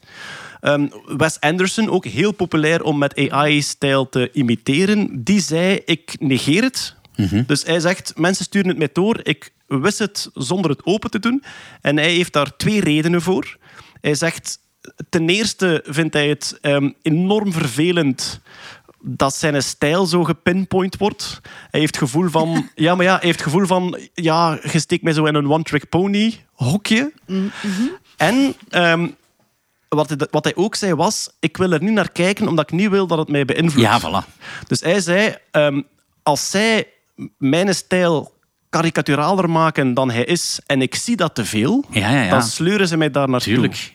Dat is, eh, dat is zijn argument. Ja, en sowieso, uw bewust worden van uw creatieproces is ook niet altijd goed voor u. Of van, uw bewust worden van hetgeen dat je aan het doen bent, is niet altijd even nuttig. Ja, en dat zijn natuurlijk net echt zo eh, filmregisseurs met een hele duidelijke stijl. Hè? Tuurlijk, Heel ja. duidelijke visuele elementen. Dat is, allee, dat is al een beetje karikaturaal. hè. En wat dat is confronterend als dat dan uitvergroot wordt en gezegd van zie, kijk, dit doe jij, dit hier zo. Ja. Er is nog een goede Tim Burton film, Batman. Hè? Ah, jij hebt hem niet gezien. Ah, ja, ja, de, Batman. ja, De welke? De, de, is dat de eerste? Ja, ik denk het. De, Met, de eh, eerste terug zo, hè? Met, ja. met Keaton. Hè? Oké. Michael Keaton. Ja, ja, met Michael Keaton. Dat is niet de allereerste Batman-film, denk ik. Want Nee, daarvoor nee, had je nee, nog... eh, oh, jongens, George. Clooney is ook Batman geweest. Dat was daarna, denk ik. dat is daarna, dat is zeker daarna. Oké. Maar wie is er nog boos op AI? Het is George R.R. Martin. En 17 andere Amerikaanse topschrijvers. Ja, Ah. ze- zij voegen zich eigenlijk bij een andere rechtszaak die al loopt tegen OpenAI. Schrijvers die basically zeggen, het kan niet anders als eh, dat OpenAI op ons volledig boek getraind is. Want als we een hele gedetailleerde samenvatting van ons boek vragen, met details die enkel en alleen uit het boek zelf kunnen komen, dan rolt dat uit ChatGPT. En dus is ons volledige werk gebruikt om dit eh, product van meerdere mil- miljoenen dollars op te trainen. En daar hebben wij onze toestemming niet voor gegeven. Dus eh, dat Copyright infringement. Copyright infringement. Wat ik interessant vind aan al die eh, rechtszaken tegen OpenAI is, stel dat er nu, New York Times denkt ook aan een rechtszaak, stel dat er nu dat er een rechtszaak gewonnen wordt, kan OpenAI niet zeggen, ah, we halen dat stukje uit ons product. Nee. Ja. Want die volledige machinerie die getraind is op al die inputdata, je kunt daar niet selectief dingen uithalen. Dus dan moet die volledige Ja. training opnieuw. En hoe lang duurt dat dan? Dat, dat, dat kan maanden duren. Dat, dat, dat, Ja, dat, dat, het- dat is- een financiële kater eh, waar ze tegen dat is het kijken. wonderlijke aan zo'n neuraal netwerk. Elke trainingsdata heeft bepaalde verbindingen in dat neuraal netwerk ehm, een andere waarde gegeven, waardoor het reageert op bepaalde vragen. Maar heel dat netwerk hangt samen van de onderlinge verbindingen die getraind zijn op alle data. Je kunt daar nooit Nee. de specifieke informatie van bepaalde data terug Zeg. Jeroen, maar als de verdediging gaat aantonen... Nee, er is gepraat over de details in uw boek op het internet, dan Dat zullen ze zal die zaak waarschijnlijk toch... proberen. Maar Ja. ik, er zijn verschillende andere schrijvers die echt bepaalde zinnen uit hun boek verbatim Ja. terug uit ChatGPT gekregen hebben. Dus ja, Ah, wel, ja, we kunnen inderdaad zeggen dat stond in een recensie of iemand heeft die zin gebruikt op Reddit. Misschien voor de heel eh, interessante zaken ooit. waar veel... Mhm. de- het, het hele copyright en AI-ding, daar gaan heel veel advocaten heel rijk mee worden. Want dat Ja. is momenteel een absolute nobody knows what the fuck's gonna happen. Als je je job kwijt bent door AI, je wordt advocaat Ja. en je hebt hoogstwaarschijnlijk direct weer werk. Eh, er zijn nu trouwens bedrijven die werken aan large language models en ehm, die huren schrijvers in. Omdat hun de output, de schrijver-output is te crappy, dat ze mensen nodig hebben om Kijk, het, om hier het op te lossen. daar is een stukje land. Wilde dan beginnen graven aan uw eigen graf? Ja, maar het is, blijkbaar is het vooral voor andere talen, omdat ze willen het trainen op de groeimarkten, ze willen het trainen op eh, Hindi, ehm, op, op Japans, op dat soort dingen. En dus om kwalitatieve eh, trainingsdata te krijgen, huren ze schrijvers in. Maar om... gaan heel veel artiesten dan niet good practice vinden? Ik weet het niet. Ik weet het niet. Ook daar weer... ehm, bijna alles wat gebeurt vinden sommige mensen vreselijk en sommige mensen fantastisch, omdat Ja. je er op honderd manieren naar kunt kijken. Die paper En- gezien van de, de Habsburg AI? Dat zijn mensen die dat, op een bepaald moment gaat alle data op zijn om AI te trainen. Er is voor heel veel systemen hebben we al alle boeken erin gestoken dat we Ah, kunnen Habsburg, hebben. Mensen, mensen die dat Oh boy. output van AI-systemen, dus AI-schrijftekst, die opnieuw gebruiken om AI te Ja. trainen.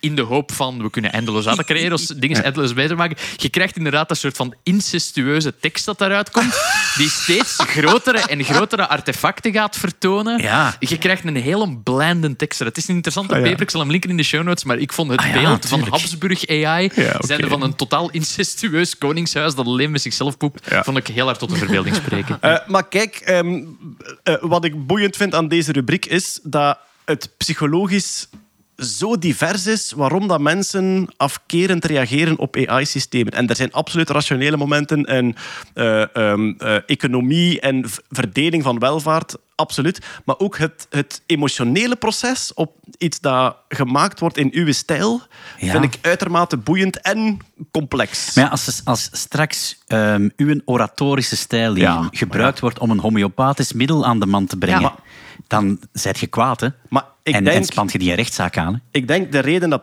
die personen zo kwaad zijn, is op, enfin, kwaad, emotioneel eh, geraakt zijn, is net omdat het, zij zijn wereldsterren waarover het nu gaat. En inderdaad, de moment dat mijn stijl, het moment dat iemand zegt van kijk, dit is een tekstje volledig in de stijl dat jij dingen uitlegt. Ik ga ook het gevoel hebben van, reduceerde jij mij nu tot dit trucje? Dus ik ga net hetzelfde voelen. Ik ben er zeker van. Ja. Zolang dat we geen uren en uren audio van u online zetten, zit je safe. Ja. Dat ik u regelmatig onderbreek, komt... Ah, Dank u wel daarvoor om de data te vervuilen. Goed, het AI-nieuws gaat verder, maar het gaat wel verder in deze rubriek. Silica. Silica. Silica. Valley Nieuws. Nieuws uit Silicon Valley. Eh, de, de hele verzameling, de hele groepsreis van gorillas is naar de Amerikaanse Senaat getrokken om daar eh, eigenhandig AI-regulering te gaan vragen. Dus er was een soort gesloten zitting. Het was achter gesloten deuren. Ik denk sinds dat Facebook-fiasco dat daar een of andere senator... Maar jij vraagt geen lidgeld, hoe verdient je centen? En dat stukje werd gezegd, we run ads. Oh, That's very clever. Dus ik denk dat ze zichzelf dat wilden besparen. Dus het was nu achter gesloten deuren. Maar wie was er allemaal? Musk was daarbij, Bill Gates was daar, Mark Zuckerberg, Sam Altman van OpenAI, Sundar Pichai van Google, ehm, Satya Nadella, eh, Microsoft-CEO en Jensen Huang van Nvidia. Ah ja, voilà. Jullie nieuwe held. Ja. Hè? Eh, Die we, die we toch een beetje proberen op te duwen zijn in het pandemonium. Want leren jekker, eh coole kerel, dat wordt een nieuwe... Allee, ik zie die, ik zie die hoge toppen scheren als gorilla. Voilà, kijk, maar ja, Nvidia, zeker nu met de centen Ah, ja. die binnenkomen, met al die eh, GPU's die ze mogen, mogen leveren. Maar dus, die zijn allemaal samen naar de Senaat gegaan en die hebben gezegd, we hebben AI-regels nodig. Volgens de verslagen van wat er gebeurd is, valt het samen te vatten als... Wij zitten in een heftige competitie met elkaar en wij willen een scheidsrechter. Dus wat je eigenlijk hebt, is... Wauw. Je hebt, je hebt twee voetbalploegen eh, of ja, in dit geval tien voetbalploegen, die in een hele heftige competitie zitten met elkaar en die gewoon zeggen, als hier nu geen scheidsrechter op het veld komt, moeten wij elkaar een been afschuppen of dat komt hier niet goed. Ja. Dus dat was de vraag van... Nu, ehm, door iemand anders werd het omschreven als... Het was een soort lagere schoolles van de eh, tech-CEO's naar de senatoren. Ze mochten geen vragen stellen. En ze zei, eh, eh, iemand zei, eh, Eliz- Elizabeth Warren denk ik, die zei van ja, het voelde alsof dat we in het lager schooltje zaten en we mochten zelfs ons hand niet opsteken. hè. Dus ze, ze voelden zich echt immens gelectured. Maar ik moet naar het wc. Dus zelfs dat mocht niet. Ehm, ja, maar er was een eensgezinde vraag om AI-regulering. Eh, wat stond er nog in het verslag? Uiteindelijk was er een consensus, namelijk... We willen graag AI reguleren, maar zonder innovatie te hinderen en zonder China in de kaart te spelen. Dan dacht ik, good luck with that. Dat is een en al contradictie in Ah ja, ene voilà. zin. Dus ze willen, ze willen inderdaad, we willen regels, maar het mag ons nergens afremmen in onze concurrentiële positie ten opzichte van elkaar en ten opzichte van de andere wereldmachten. En dan denk ik, ja, dat wordt een hele lastige evenwichtsoefening toch wel. Jullie, Silicon Ethische Overwegingen Valley. Oké, komt goed. Ja, voilà. Maar goed, ja, zij willen AI-regels. Ze hebben daar zelf dan een...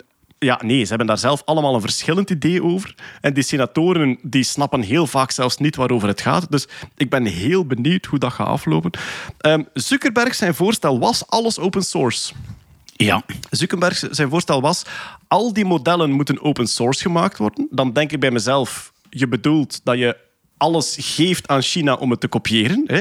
Dus als je zegt, we mogen China niet in de kaart spelen, ja, dan is open source En daar ik denk al. dat hem bedoelt, wij zijn daar nog niet mee bezig, dus geef de gel en al jullie know-how. Dat wordt vaak gezegd, hè, dat ze exacte regels willen die hen goed uitkomen en die kleinere spelers heel slecht uitkomen. Dat wordt ook heel vaak gezegd. Ehm, Wel ja, dat, dat, dat, dat kan ook een vermoeden zijn. hè. Het zijn daar al grote techboys die daar staan. Misschien voelen die een soort van paradigma-shift aankomen naar meer verspreid en kleiner werk. En dat ze zich daar tegen willen beschermen? Ik Of? heb weet geen- het niet. ik Ik weet denk het niet. wel Het is dat ook er- maar gespeculeren van mij. Ze. Ik denk wel dat er oprechte zorgen zijn ook, maar ze komen zelfs onderling niet overeen in hoe moeten we dat nu aanpakken en waar zijn we nu juist bang voor. Waar dat En- ze wel in overeenkomen is naar een soort van toekomstbeeld wijzen van kijk daar de Terminator, kijk naar dit verschrikkelijke nucleaire, hypothetische de wereld gaat kapot scenario en reguleer ons vooral niet, Ja, terwijl de- dat we nu en masse het internet opzuigen om een product mee te maken. Terminator Dus- die perfect twintig talen spreekt trouwens. En toch nog altijd I'll be back. Maar ja, op zich Ik is, kom terug. Retorno! Kijk, hè. op zich is eh, het, het Terminator-scenario komt bijna bij niemand voor als een zorg. En met Terminator bedoel ik AI die bewust kwaadwillig wordt en die bewust wil domineren en de mensheid overnemen. Er is eigenlijk geen enkele technische reden waarom dat zou ontstaan. Maar elk van die mensen daar op het lijstje heeft dat wel ooit in interviews gezegd. Hè? Sam Altman, eh, ik citeer, eh, eh, AI kan een grotere bedreiging voor de mensheid zijn, een existentiële bedreiging voor de mensheid, dan een nucleaire bom. En nee, hij heeft het dan niet over Terminator en robots. Ah, wel, maar dat vind ik heel belangrijk, dat hij het daar niet over heeft. Nee, hij, maar heeft hij het niet, hij heeft het niet over robots die ons komen uitroeien omdat zij de baas willen zijn, want die dingen willen niet. Maar wat dat hij het over heeft, is die alignment problem. Je geeft AI bepaalde opdrachten en je houdt er geen rekening mee dat hij om die opdracht te vervullen hele erge dingen gaat doen Ja, die je niet voilà. voorzien Dan hebt. je, Het- dan, geeft toch- je hem de verschillende, dan geeft je hem de foute outputs ook. In Sorry. de beste scenario's gaat het toch altijd over ik wil jullie beschermen tegen jezelf. Are you my mommy? Alweer een, een, een fandom. Doctor Who dit keer. Ja. Doctor Who dit keer. Maar ehm, eigenlijk hebben we al een voorbeeld. Eh, YouTube heeft ooit zijn algoritme opgedragen. eh, ehm, optimaliseer jezelf zodat mensen zo lang mogelijk YouTube kijken. Lange uren YouTube kijken. En dan hebben ze ontdekt dat die mensen richting conspiracy-theorie begon te duwen, omdat dat systeem gewoon zelf gezien had van kijk, met dit soort filmpjes betrouwen die mensen geen enkel ander medium meer. Dus die kijken alleen maar naar kanalen die hen gelijk geven op YouTube. En dat is een soort typisch alignment problem. Je hebt dan een duidelijke opdracht gegeven. Zorg dat mensen lange uren YouTube kijken voor ons ehm, inkomsten, voor onze advertentieinkomsten. En daar is iets uit ontstaan wat je niet voorzien had. En dat is een hele kleine kiem van waar zij voor vrezen, wat veel en veel groter zal kunnen worden als die systemen wat krachtiger moet er worden. dan gereguleerd worden voor zijn? Privacy, eh, security, eh, Op zich, mensen bij- tegen zichzelf beschermen. Op zich hebben we nu bij de Europese Unie, de AI Act, een soort poging, en ik zeg wel poging, om AI-technologie op te delen in verschillende categorieën. Namelijk, ehm, eh, categorie, hier zien we geen maatschappelijk risico in. Spamdetectie. Spam dit, ja, en zelfs daar wordt er al gezegd, ehm, als het woord Nigeria in de mail staat, wordt hij er sneller uitgehaald. Dus als jij als doctoraatstudent uit Nigeria je cv opstuurt, Toevallig de prins heet met uw achternaam. ja, voilà. Heb je een grotere kans om in de spam terecht te komen. Eh, maar bijvoorbeeld ehm, eh, insecten identificeren met Ops-Identify, zeggen zij weinig tot geen maatschappelijk risico. En dan bij hoog maatschappelijk risico, ja, predictive policing. Facial Ehm, recognition. eh, wie, wie krijgt een woonlening en wie niet? Eh, sollicitatie-AI. Ja, allemaal zware gevolgen als daar een bias in zit. En ehm, het is dus totaal niet duidelijk na deze gesloten zitting wat dat ze eigenlijk bedoelen. Ze zeggen allemaal, we hebben een scheidsrechter nodig, zodanig dat we in deze steeds heftiger wordende competitie regels hebben om elkaar niet te verwonden. En voor de rest is het, eh, is het een beetje We hebben vaag. een centraal aanspreekpunt nodig dat we kunnen omkopen. ja, maar ja, Oké, Eh, oké, verder in het Silicon Valley nieuws. De nieuwe Musk-biografie is uit. Geschreven door Walter Isaacson, die ook eentje van Steve Jobs geschreven heeft. Ik denk dat hij... Jennifer Doudna ook. Is het echt, ja? Dikke aanrader. Dik Ik- boek, dikke aanrader. Ja. Eh, ik denk dat hij eh, twee jaar lang eigenlijk Musk heel vaak mogen volgen heeft, ook in besloten vergaderingen. Alles wat je hoort in de interviews die hij geeft, zou het echt wel een blik geven in... Hij gebruikt zelf, Walter Isaacson gebruikt zelf letterlijk de woorden ehm, Dr. Jekyll en Mr. Hyde.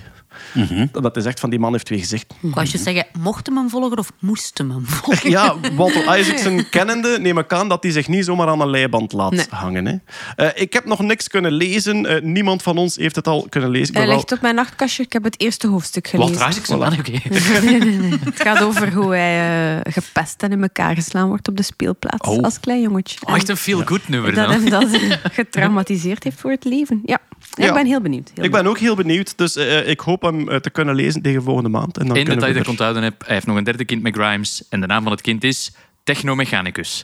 We gaan verder met de podcast. Technomechanicus. Technomechanicus Ik is de dat naam dat van een een, kind. een opleiding was in het Nope. VTI. Nee? Technomechanicus. Ah, ja. Waarschijnlijk Warhammer 40k eh, van de referentie. Ja. Derde kind Technomechanicus. Wel moeilijk dan om dat Z te noemen. Verder in het Silicon Valley nieuws. Eh, Neuralink is het bedrijf ook van Musk, waarbij ze dus de brain-computer interface willen maken. Die zijn op zoek naar mensen om op te testen.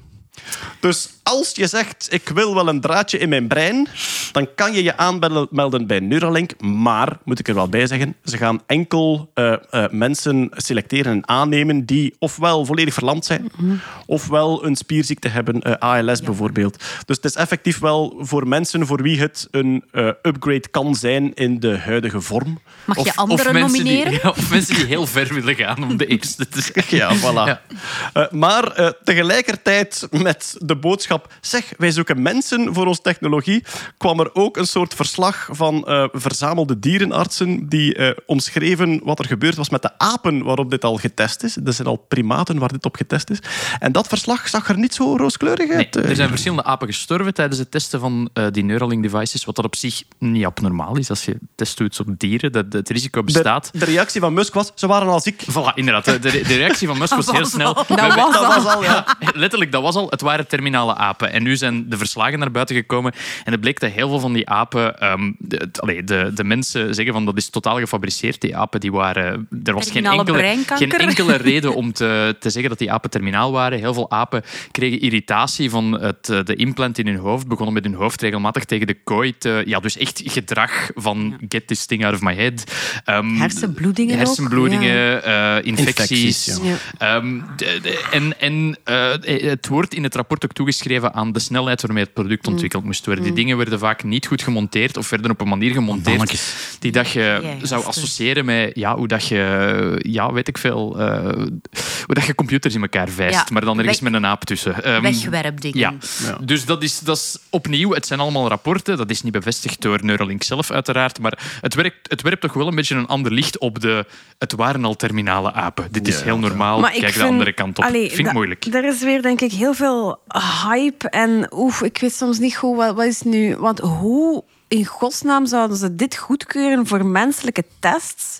als die dierproeven zo desastreus afgelopen zijn? Dat, allee, ergens in een FDA, daar heb ik toch wel nog een stuk vertrouwen in dat die. Maar misschien ook niet allemaal. Hè. Daar zullen ook verschillende fases in geweest zijn. ja. Eh. Ik denk dat de verslagen kwamen van een bepaald dierenhospitaal Ja. waarmee ze samenwerkten om die dingen te doen. En dat die daar redelijk kritisch over waren. Of dat dat dan ook weer uitvergroot is door Ja. de tegenstand, dat is moeilijk te zeggen. Daarvoor zouden echt de verslagen zelf moeten, eh, moeten induiken. hè. Ja. Oké, en dan hebben we nog SpaceX nieuws. Eh, Starship Ja. is volgens Musk klaar voor een volgende lancering, maar ze moeten nog toestemming krijgen. Omdat ja, bij de vorige was er een paar ton beton aan het rondvliegen en dat, blijkbaar mocht dat niet. Ehm, Blijkbaar. ja, Frowned eh, upon. ja, dus ze, ze moeten nu nog een paar dingen aanpassen, maar ze zeggen we zijn optimistisch voor toestemming eind oktober. Hij staat klaar, hè? Ja, inderdaad. Dus het zou kunnen dat... Maar goed, ik denk dat dit de derde opeenvolgende maand Ja, dat we dit was toch aan zeggen. het denken, maar ik heb het precies al eens drie keer gehoord. Het zou kunnen dat het komende maand Ik, is. ik ben er even niet geweest. Wat, wat zou het doel zijn van deze lancering? Effectief baan Omhoog rond de aarde. Baan rond de aarde. Ja, Orbital. effectief orbit rond de aarde. Speciaal is, is als die raket ontploft op het eh, lanceerplatform, dan kan Musk zeggen van dit was al een terminale raket. Deze raket was al, was al heel ziek. Er school al iets Dat mee. was al, ja, ja, ja die was al heel depressief. Eh, ja, en dan nog één klein nieuwsje uit, ehm, uit eh, Silicon Valley. Ehm, eh, Sam Bankman-Fried is een uh, cryptofraudeur. Die, die man had op een bepaald moment eh, 30 miljard euro of zo allemaal met eh, cryptomunten heen en weer te schuiven. Helemaal failliet gegaan, fraude ontdekt, in de bak gestoken, vrijgekomen met een borg van 250 miljoen euro. Eh, Een kwartje miljard eigenlijk. Ehm, eh, zijn voorwaarden geschonden omdat hij getuigen probeerde om te kopen. Terug in de bak gestoken Wat? terug in de bak gestoken. Maar nu wil hij terug uit de gevangenis. Een van zijn argumenten is... De wifi is hier niet goed. Ah, ja, maar ja, ja. Dat is wel... Dat is een allee, basis snap mensenrecht ik als dat geschonden wordt. Allee, ja. ja. Nee, Allee, zijn- Ik wil het nu niet naast het eh, doden van primaten voor proeven zetten, Nee, maar het ja. is toch... Ja. Zijn, eh, zijn advocaat zegt... Hij kan zijn verdediging niet voorbereiden met zo slechte wifi. dus alle keren als hij een rechtszaak wil opzoeken, is dat... Ping, piepong, piepong. Zeg maar even, als alleen de wifi een probleem is, heeft hij dan een computer in de bak? Ja, Eh, ja. Ja allee, als je je rechtszaak mocht voorbereiden, moet je waarschijnlijk... Nee, nee, maar normaal, allee, bij ons zijn er toestellen voorzien in kamers die voorzien zijn waar dat jij kunt gaan. Maar een, een eigen. Heel grappig, er is een gevangenisnetwerk intern die een paar podcasts op dat systeem plaatst om voor intern gebruik. Dus die hebben een soort van intranet waar dat ding is. En de Nerdland podcast is een van de weinige podcasts die dan maandelijks gedownload wordt Ah, en intern op dat netwerk gezet wordt. Oh, ik wil kijk, zeggen, de gevangenis van Beveren, ik ga het moeten opzoeken, maar er is een gevangenis die- ons gemaild heeft. Mogen we dat? En ik van, ja, absoluut doen. En, Al- ja, ja. Ik, wil, ik, wil, ik weet nu niet hoe dat het nu zit, maar ik heb een tijdje geleden heb ik een paar maand lesgegeven in de gevangenis. En dat was zelfs een beetje... Ik moest, ik moest gevangenen leren, leren interviewtechnieken aanleren. En dat was zelfs zo wel, soms wat moeilijk van, met kranten en tijdschriften en zo, omdat dat heel erg beperkt wordt, welke Ah, ja. info dat er binnen en Dat is buiten waar. gaat. Ja, ja. Oké, tot zover het eh, Silicon Valley News. De voorbije maand zijn ook de Ig Nobelprijzen uitgereikt. Jeroen, het was helaas alweer geen live ceremonie, Nee. maar het was volledig opgenomen. Zat er weer een lange opera in? Goed nieuws over de verschrikkelijk lange opera. Het was, opgede- het was opgedeeld in vier stukken die niet allemaal opera waren. En twee ervan waren genietbaar. Oh, oh zeker? Absoluut. Ja, ja. Ik ben blijven luisteren. Ik heb twee keer niet op mute geduwd. Oh, We hebben het online gevolgd. Ehm, ik zal eh, los door de, de Ig Nobelprijzen vliegen. Voor de mensen die niet weten wat, dat- wat dat de Ig Nobelprijzen zijn. Het zijn prijzen voor onderzoek dat je eerst doet lachen en dan doet nadenken. Dus allemaal gedegen, goed wetenschappelijk onderzoek, maar met een hoek af een beetje om te lachen. Eh, de eerste was die voor geologie. En die, dat stelde de vraag, waarom likken geologen en paleontologen zoveel aan rotsen? En waarom? Waarom? Als je een rots nat maakt, kan je de mineralen die erin zitten beter zien.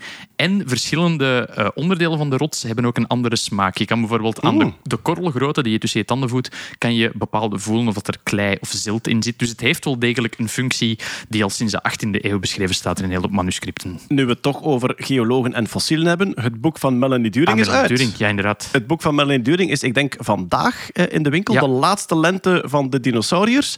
En eh, in het begin van het boek beschrijft ze wat je moet doen als je zelf een fossiel wil worden. Dus zij zegt, een fossiel worden is niet gemakkelijk.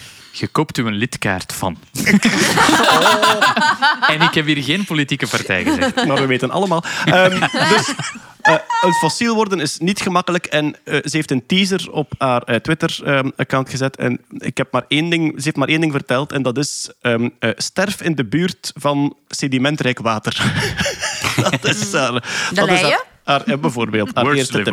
Maar goed, de ga Nobelprijs voor de literatuur gaat voor mensen die bestudeerd hebben. Ik ga alle namen niet zeggen van de mensen, je kan het online opzoeken. Voor de mensen die bestudeerd hebben wat je brein doet als je een woord heel, heel, heel, heel, heel vaak herhaalt. Ken je dat als je een woord blijft herhalen, dan aan een tijd the word goes weird on you? Ja, ja. Eh, Ze hebben ontdekt dat dat ongeveer na 30 keer is dat je dat woord herhaalt.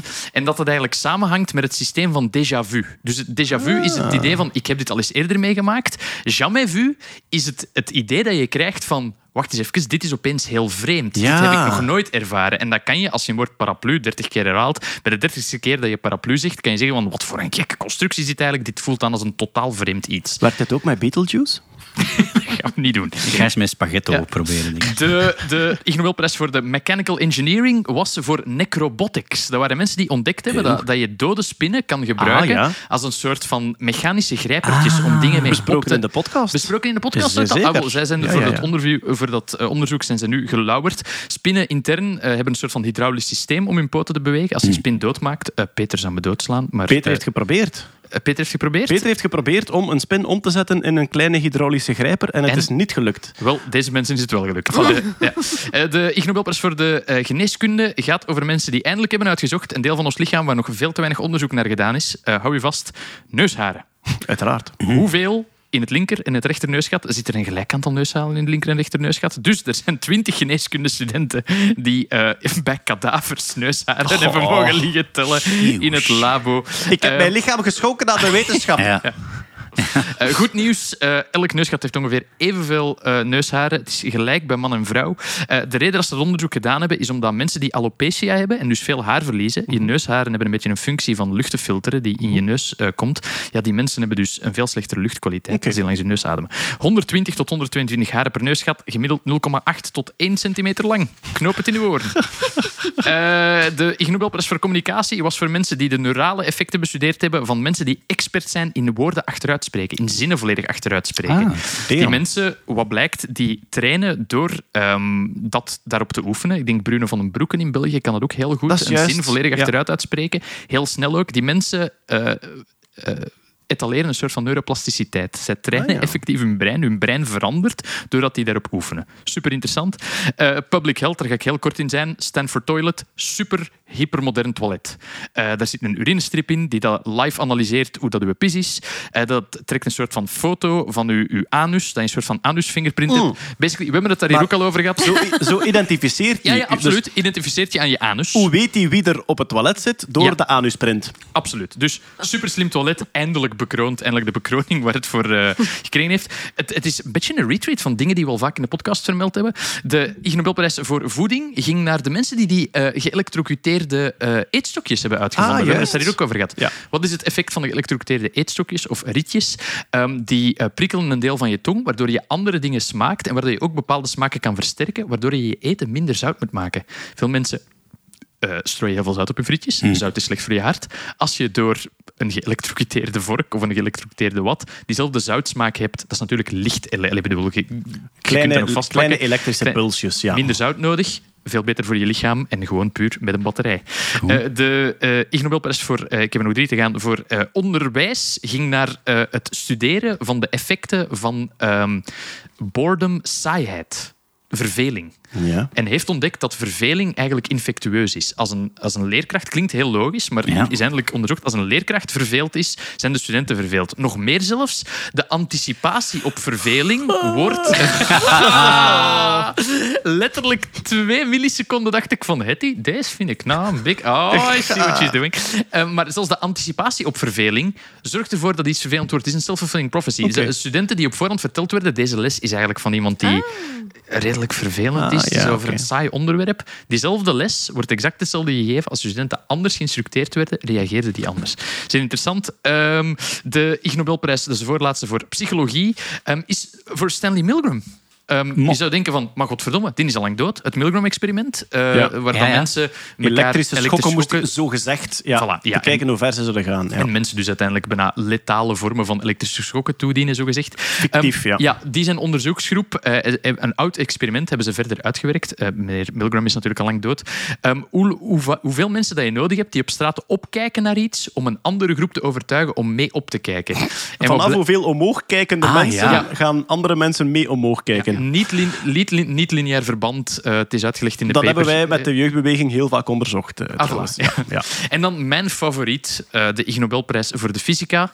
En hou u vast, want dit is echt prachtig. Om de invloed te meten op de manier waarop oceaanwater gemixt wordt. De invloed van parende ansjovissen.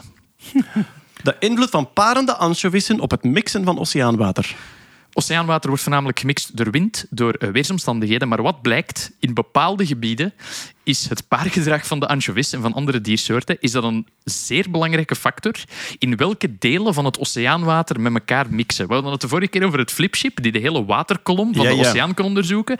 Dat is een, een ecosysteem dat in bepaalde lagen werkt. En parende anchovissen kunnen die lagen zo verstoren dat je bepaalde effecten krijgt op de temperatuur van het water, op de groei, op de, de beestjes die in de verschillende lagen voorkomen.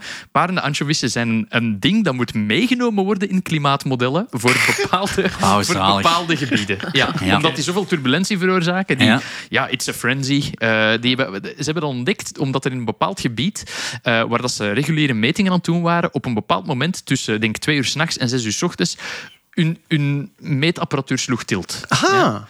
En wat blijkt, dat is zo'n soort van jaarlijkse paringsmoment van die beesten. Je hebt dat voor zo nog een paar, eh, nog een paar diersoorten, denk ik. Dan gingen die poepen in de baai. Allee, en dat was enorm meetbaar op alle instrumenten, maar dus op secundaire parameters die niet meteen te maken hadden met, met, met het, het poepgedrag. Ja, ja, Dus ja. ja, ja, Ik vind het heel leuk dat er nu zo ergens in een of andere vergelijking zo R-anchovies staat. Ja, ja. Voor de duidelijkheid, niet op globale temperatuurmodellen. hè. Ja, het, het, voilà. het poepende anchovissen in, in Indonesië gaan onze temperaturen niet beoordelen, maar heel lokaal kan het wel degelijk een, een, een meetbaar effect hebben op, eh, op Ik de zie zo de. Indonesische Frank de Bozere. Morgen verwachten wij warme temperaturen, want het is weer feest bij de anchovissen daar aan de kust. Alright. Dan hebben we nog wat eh, kort nieuws staan. Onder andere dit. Eh, er zijn in 2024 presidentsverkiezingen in Mexico. Oké. Daar ook. De twee topfavorieten zijn een computeringenieur en een dokter in de fysica. Alright. Zeer zeker. De dokter in de fysica is Claudia Scheinbaum. Ehm, zij is eh, ja, gedoctoreerd in de fysica, maar zij heeft een specialisatie in energietechnologie en ehm, klimaattransitie. Mooi. Dus eh, dat zou een zeer nuttige president zijn, Ja, denk amai. ik. In dit tijdsgevricht. Eh, zij komt van de eh, progressieve kant. En aan de conservatieve kant is waarschijnlijk de, de topfavoriet uh, Scho- so, wacht, hoe spreek je het? Sochitl, dat was het. Sochitl Galvez. Zij is computeringenieur en technologieondernemer. Ze heeft al computerondernemingen opgestart. Ze doet ook sociale projecten binnen die technologieondernemingen. En zij stamt af van de Otomi, een oorspronkelijk volk van Mexico. Dus ja, zo, soms heb je zoiets van presidentsverkiezingen kiezen tussen pest en de cholera, maar soms is het ook gewoon echt kiezen. Allee, je kunt niet miskiezen of zo. ja, inderdaad. Nu, ik moet zeggen, ik ga nu af op... Ja, ja. eh, ja, ik ga nu Ja. af op eh, hun diploma's, die mij eh, hoopvol stemmen van ze weten hoe de wereld in elkaar zit. maar de laat ons eerlijk zijn, kant. van Trump kost je zo ver gaan zoeken als dat je wilde. Je kon daar Nee, niet dat dit, hadden- dit dat van... hadden niet. Het is duidelijk dat Xochitl de beste kandidaat is. Hè? Ja, en wel. Dus Dat is niet zo. op de, op de informatie die ik nu heb, denk ik van wauw, dat is toch een schone keuze. Ik zou mij moeten verdiepen in hun beleid en hun Er gaat, er geschiedenis. gaat er één van de twee een nazi zijn. hè. Dat gaat sowieso- Ja, voilà. Dit klinkt echt alsof dit klinkt Ik goed vind het wel heel leuk dat maar- zo de, de fysicus versus ingenieur veten tot, Ja. op, tot op dat Tot niveau op verhoffen wordt hij- presidentieel tot niveau, presidentieel eh, niveau. Het uitgevoerd wordt gaan dus worden. zeker een vrouwelijke wetenschapper. Ja. Eh, wel, maar dus... ehm, Of ze dat zijn vinden de toch twee... een manier om. surprise, surprise. Grijze oude man. The old switcheroo. Hallo, it's me again. Ehm, dit zijn de twee eh, topfavorieten, waarmee ik wil zeggen... Dus, ah, niet hebt- de enige twee kandidaten. Nee, je hebt, je hebt twee grote politieke blokken die zich verenigd hebben, blijkbaar. En dat is dan de... ehm, de als ik mij niet vergis, en als ik mij vergis, mogen de mensen e-mail sturen, maar ehm, de, het progressieve blok die de huidige president leveren, en dan het conservatieve blok die in de oppositie zit, die hebben zich verenigd. Maar er zijn ook nog andere kandidaten. Ook ja, 2024, ik neem aan, in een politiek systeem. Ja, in Mexico is het ook wel redelijk turbulent, denk ik, hè, met, eh, met de eh, drugscriminaliteit die ze daar hebben. Dus er kan nog veel veranderen. Maar het ziet er op dit moment echt naar uit dat de volgende president van Mexico een vrouwelijke wetenschapper wordt. Ja, Angela inderdaad. Merkel heeft een doctoraat in de chemie. hè. Ah ja, voilà. Eh, dingen, eh, eh, Dirupo in... Nee, dat is gewoon licentiaat chemie, denk ik. Of ook dokter, weet het niet. Is ook een chemicus alleszins. Ik weet niet of dat hij eh, gedoctoreerd heeft. Good. Wat hebben we nog staan? Ah ja, Els. Eh, in Harvard heb je eh, een laboratorium Ja, waar natuurlijk ook lichamen liggen die geschonken zijn aan de wetenschap Ja. om onderzoek aan te doen. Om neusharen in te tellen, bijvoorbeeld. ja, ja, ja. dat soort dingen. Dat soort dingen, ja. Iemand van dat labo verkocht al eens een lichaamsdeel. Wat? Het was een groepje. Was- Oh, oei, ah, ze het waren was- met- zo- ik, ik was we niet alleen, meester. opgericht. van mensen. ja, allee, ja, hè. Eh, ja, ja, en ze waren erbij. Hè. Ehm, dus eh, het is al een tijdje geleden dat is bovengekomen. Dus in het eh, mortuarium van Harvard. Ehm, ja, waar dus inderdaad lichamen terechtkomen die geschonken worden aan de wetenschap. Die worden gebruikt om die secties op uit te voeren en zo. En die worden achteraf gecremeerd. Maar voordat die gecremeerd werden, durfde er al een keer een, een stukje knacht erover drukken. Maar wat? Dus van, dit, dit kun je niet En wegsmijten. wie koopt dat? Naar waar ging dat dan? Ja. Ja, wel. ehm, bijvoorbeeld, wat werd er zo... Ik zal eerst al eens een lijstje van... Wat werd er zo al... Ah, de, menu, de menulijst. De folder. ja. De folder, ja. He- he- Deliveroo. volledige hoofden, Oké. hersenen, gezichten, Ah, huid, harten... Enfin ja, beenderen... Wilde zeggen dat daar letterlijk een? Ik ben aan het, ik ben aan het chicken op gegeft zijn hand. Ze nemen een arm. Dat, eh, Dat is een actie die nu loopt. Je vraagt een hand, zij krijgt daar een arm bij. Het was zelfs zo erg dat ze soms ko- potentiële kopers meenamen naar het mortuarium om te komen shoppen van wat moet Oh, hebben. la, la, Ja, Maar ja, wie ja. zijn die? Wie koopt dat? Wel, ehm, Verzamelaars. Nee, waarvan? ah, wel, ze zijn daar dus inderdaad uiteraard achteraan gegaan. Dat was ook allemaal niet zo heel goed geregeld. Want bijvoorbeeld op PayPal-afschriften vonden ze beschrijvingen terug als brains. Oké. Of head number seven. Dat waren, echt, dat waren nog de cool dudes ook Ja, het ja, ja, ja. En bijvoorbeeld eh, eentje waar dat dan verkocht werd, die dat dan nog doorverkocht, was een winkel die heette Cats Creepy Creations. ah ja. Dus daar, daar is een markt voor, jongens. Daar is een markt voor. Ja.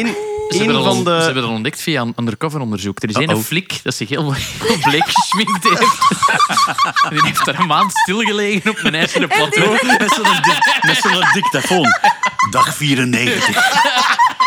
Nee, maar Het is echt ook een prachtige aflevering van de buurtpolitie. dit.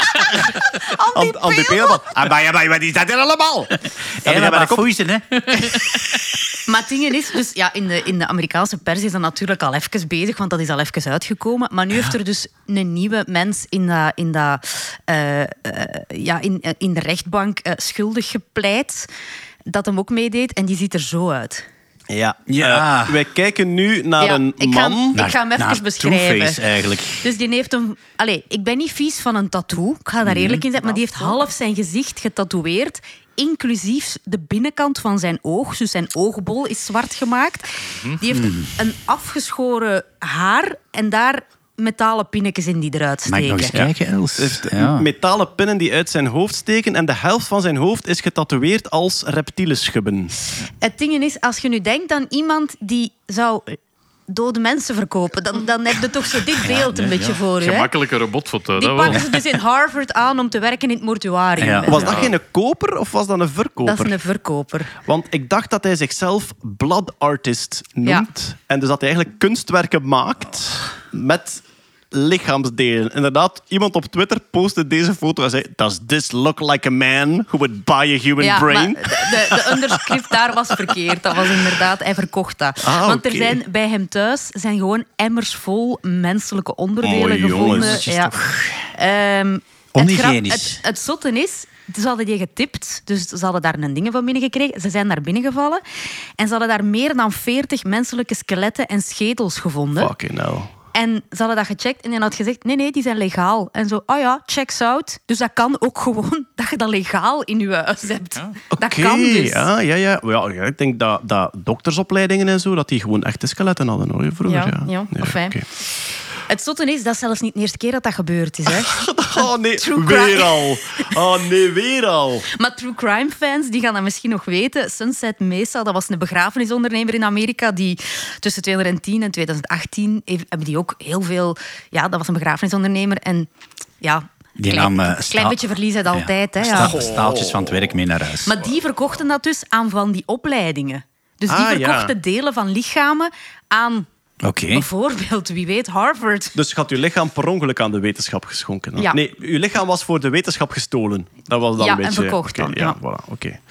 Eh, voilà, kijk, eh, prachtige verhaal van eh, Harvard. Half getatoeëerde reptiele schubbe gezicht eh, verkoopt lichaamsdelen aan wie ze wil. De rechtszaak loopt waarschijnlijk nog, maar het is verwacht dat dat stukken van mensen gaat kosten. Wauw. Ah, wacht hoor, ik, moet, ik moet even verwerken. Ik moet even- Ja, maar ze hebben stukken van mensen.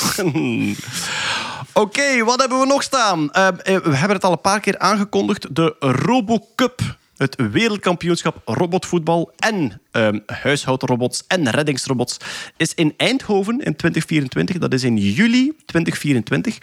Daar is ook een junior-competitie bij. Dus er zijn ook middelbare scholen die kunnen deelnemen aan de eh, RoboCup. En die voorrondes in Nederland die worden gestreden op 20 april.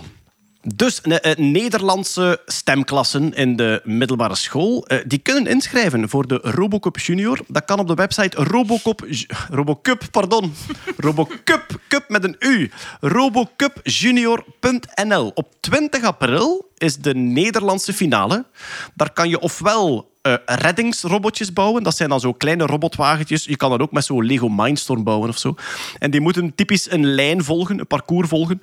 En dan een aluminium blikje oprapen en ergens dumpen. Dat is dan zogezegd afval dat eigenlijk eh, gedumpt wordt. Eh, je kan ook een voetbalrobotje bouwen. Dat is natuurlijk een veel kleinere competitie dan die grote voetbalrobots. Maar iets wat goed te doen is voor een middelbare school. En er is ook een podiumcompetitie. En dat zijn dus, dan kan je eh, met verschillende mensen en verschillende gerobotiseerde systemen op een podium gaan en een kort verhaaltje of een voorstelling of zelfs een dansact spelen. Ik heb er zo een paar gezien in Bordeaux op de Robocup. Dat is fantastisch. Dat, dat was eentje en die had een, een volledige eh, scène uit Encanto nagespeeld. Met dan twee menselijke spelers en dan twee robotjes en dan bomen die aan het bewegen waren met servomotoren en zo. Dat was echt, eh, echt heerlijk. Maar als je dus meedoet aan die Robocup Junior in Nederland en je eindigt daar hoog, dan kan je ook naar de echte Robocup gaan en dan kan je tegen teams in de rest van de wereld Er zijn er spelen. Vlaamse voorrondes ook? Wel, de Vlaamse, de Belgische Robocup, die hadden beslist van een eh, sabbatjaar te nemen, een pauzejaar. En dat valt nu toch wel toevallig vlak voor die Robocup in Nederland. Dus die hebben zich al voor het hoofd geslagen van damn, dit was de slechtste timing ooit. Er wordt nu gekeken, er zijn twee mogelijke scenario's die onderzocht worden. Ofwel kunnen de eh, topteams van vorig jaar, van de Vlaamse competitie, naar Eindhoven gaan. En er is ook nog een mogelijkheid, maar dat wordt nog onderzocht, of er Vlaamse teams mogen meedoen met de Nederlandse voorronde. Ze zijn nog aan het kijken of dat het allemaal klopt volgens de regels van Robocup. Ik zal volgende maand hopelijk een update hebben. Maar dus misschien kunnen Vlaamse stemscholen zich ook inschrijven voor die finale 20 april in Nederland. Sowieso, als je nu denkt, dit is echt iets voor mijn school of voor mijn eh, stemopleiding. Ja, het is dit jaar in Eindhoven, volgend jaar is het ergens anders, maar het is wel iets heel tof om aan te werken. Het is een internationale community waar dat scholieren over de hele wereld mee bezig zijn, waar dat je internetfora van hebt en zo. Het is zo echt een uitdaging om naartoe te werken als eh, stemproject. Voilà, robocupjunior.nl, daar vind je alle informatie als je zou willen meedoen. Dan zijn we helemaal rond met onze wetenschapsnieuwtjes. Wat gaan wij dan nog doen? Even kijken wat wij allemaal gaan doen de komende maanden. Hetty, jij vertrekt op tour met Missie 2023, een wetenschappelijk jaaroverzicht op het podium. Ja, klopt. 10 november, grote première in Intelligent. Ik ben nu eh, volop aan het try-outen. Dat is een periode van eh, veel proberen en veel foefelen. Maar eh, ja, ik Nee, hoop... we- weinig ja, foefelen. weinig ja, ik heb niet veel Zeer, tijd. zeer veel theater, weinig foefelen. Creatieve neurose is slecht voor het libido. Eh, maar dus, eh, wat kunnen de mensen verwachten? Je komt naar het theater en eh, jij staat op het podium en je geeft eigenlijk een toegankelijk, entertainend jaaroverzicht van wat er in de wetenschap en technologie gebeurd is. Een one-woman show. Ik wil het heel helder maken. Dat is echt mijn doel. Dat dat bij, zelfs bij mensen die niet van wetenschap houden of hielden, dat die zeggen, oh my, dat vond ik echt tof. Ehm, dat er een vlugge humor in zit. Dat er, ja... Maar ja. gelukkig zet ze haar dingen niet te hoog. Ja, dat is al... En voor de duidelijkheid, het zijn niet alleen dingen die in de podcast gekomen zijn. Nee, het, is, het is verder buiten. Ja, Het is, eh, ja. dus, dus zeker ook de podcastluisteraars, die, die gaan daar niet zitten van eh, oud nieuws, weten we al. Absoluut. Alle info over uw speellocaties, data en de tickets op hettyhelsmoortel.be. Yes! Eh, ik zelf vertrek ook op eh, AI-tour eind deze maand. Eind oktober ben ik terug vertrokken met de voorstelling over artificiële intelligentie. En ook het boek komt uit. Dat zal Ah. eind oktober zijn. Gaat het boek van de voorstellingen. Dus wat ik vertel in de voorstelling heb ik eigenlijk uitgebreid beschreven met nog vele extra uitweidingen eh, in een boek. Ben ik nu ook aan bezig. Leuk. Dus Team Creatieve Ja. Stress, Hetty, ben ik nu ook aan het afwerken. En dat komt dan in de winkel eind van deze maand. Eh, wij hebben onze show Nerdland voor Kleine Nerds op 27 december in de Lotto Arena. We hadden een show om 13.30 uur. Die is bijna volledig uitverkocht. Er zijn nog maar een paar tickets voor. En daarom openen wij een nieuwe show. Ja, we gaan het tweede doen. Om 17 uur, ook 27 december om 17 uur, een eh, tweede voorstelling. Eh, Nerdland voor kleine nerds in de Lotto Arena. Ja, de show die wij zelf hadden willen zien als tiener over wetenschap. Absoluut. Met- Spektakel, uitleg, diepgang, Demo's. demos. Ja. Weetjes, Yes. dingen om verder te vertellen We zijn als al je ze met gehoord hebt. partnersproefjes aan het proberen. En laat ik zeggen, dat ze een keer alles mogen proberen wat dat ze al heel lang wilden proberen. Wetenschappelijke partners, veronderstel ja, ja. En, ja, en ja. wetenschappelijke proefjes ook. Oh. Ja, ja, En. Frank de Bozere komt. Oh, prachtig. En Gloria Montserrat komt. Cool. Ja, dus hij die Helsmoortel gaat niet veel... eh gaat vooral beeld zijn, niet veel klank. Dat is niet waar. Nonkel Frank en nichtje Gloria eigenlijk. Ja. Super. De scheurkalender 2024 is klaar. De Ja. Nerdland scheurkalender. Eh, Bart heeft net een exemplaar gekregen eh, van ons. Dank u wel. Die gaat dat nu uit het plastiekje halen, denk ik. Ook een magisch moment. Ah ja, dat- dat dat kan kalender. wel. kalender. Dat is nog veel te vroeg. Ah ja, dat mag pas op oudejaarsavond. Een unwrap party. Nerdland scheurkalender, hetzelfde concept als de vorige jaren. Elke dag scheur je een blaadje af en staat er een weetje op de achterkant, wetenschappelijk weetje, of een eh, jasmop. Eh, dat kan ook Of een altijd puzzel. gebeuren. Of een puzzel. Of een eh, ja, tip. Dat, we krijgen heel vaak de vraag: oh, hebben jullie tips voor goede films of goede games? En die hebben we ook elke week verzameld. Dus voilà. En mijn En- verjaardag staat er ook elke in. dag staat ook de zonsopgang en de zonsondergang. Handig. En de, da- en de datum. En ja, de datum ook. Ja. All right. Ja, die waren we vorig jaar vergeten. Dat was, niet zo, dat was raar. Ik heb nog een eh, extra aankondiging over mijn AI-show. Namelijk, ik ga hem eens in het Engels spelen. Oh, in België. Maar ja, je kunt Met, met die ja, met, met? Ah, of, ja, eh, voilà. Nee, nee, ik ga hem live in het Engels spelen. En dat zal zijn op 7 november 2023 Oké. in NTG Gent. Hè, Dus eh, hier, eh, hier in Gent, eh, in de mooie zaal van het NTG. Op 7 november eh, speel ik dus de AI-show in het Engels. Die wordt volledig gefilmd. Want de bedoeling is om ja, hem ook online te kunnen zetten. Dat eh, anderstaligen die nog geen HeyGen-account hebben, hem ook eh, kunnen zien. Eh voilà, dus iedereen die wil komen kijken, of als je denkt van, oh, ik heb vrienden die geen Nederlands spreken, maar Doctoraatstudenten. Voilà, Ja, ja, inderdaad. Vrienden die geen Nederlands spreken, maar die dan wel een heel boeiende show zouden kunnen zien op lievenscheire.com. ja. Ah, tot kom. Ja. Ja, ja, ja, zeker. Ja, ja, zeker. Kost mag ik, ja. Ah, ja, eh, lievenscheire.com, daar eh, vind je alle info en de tickets om op 7 november 2023 in Gent Dat naar, in het Engels is natuurlijk. Ah, ja. natuurlijk. Oh, ja.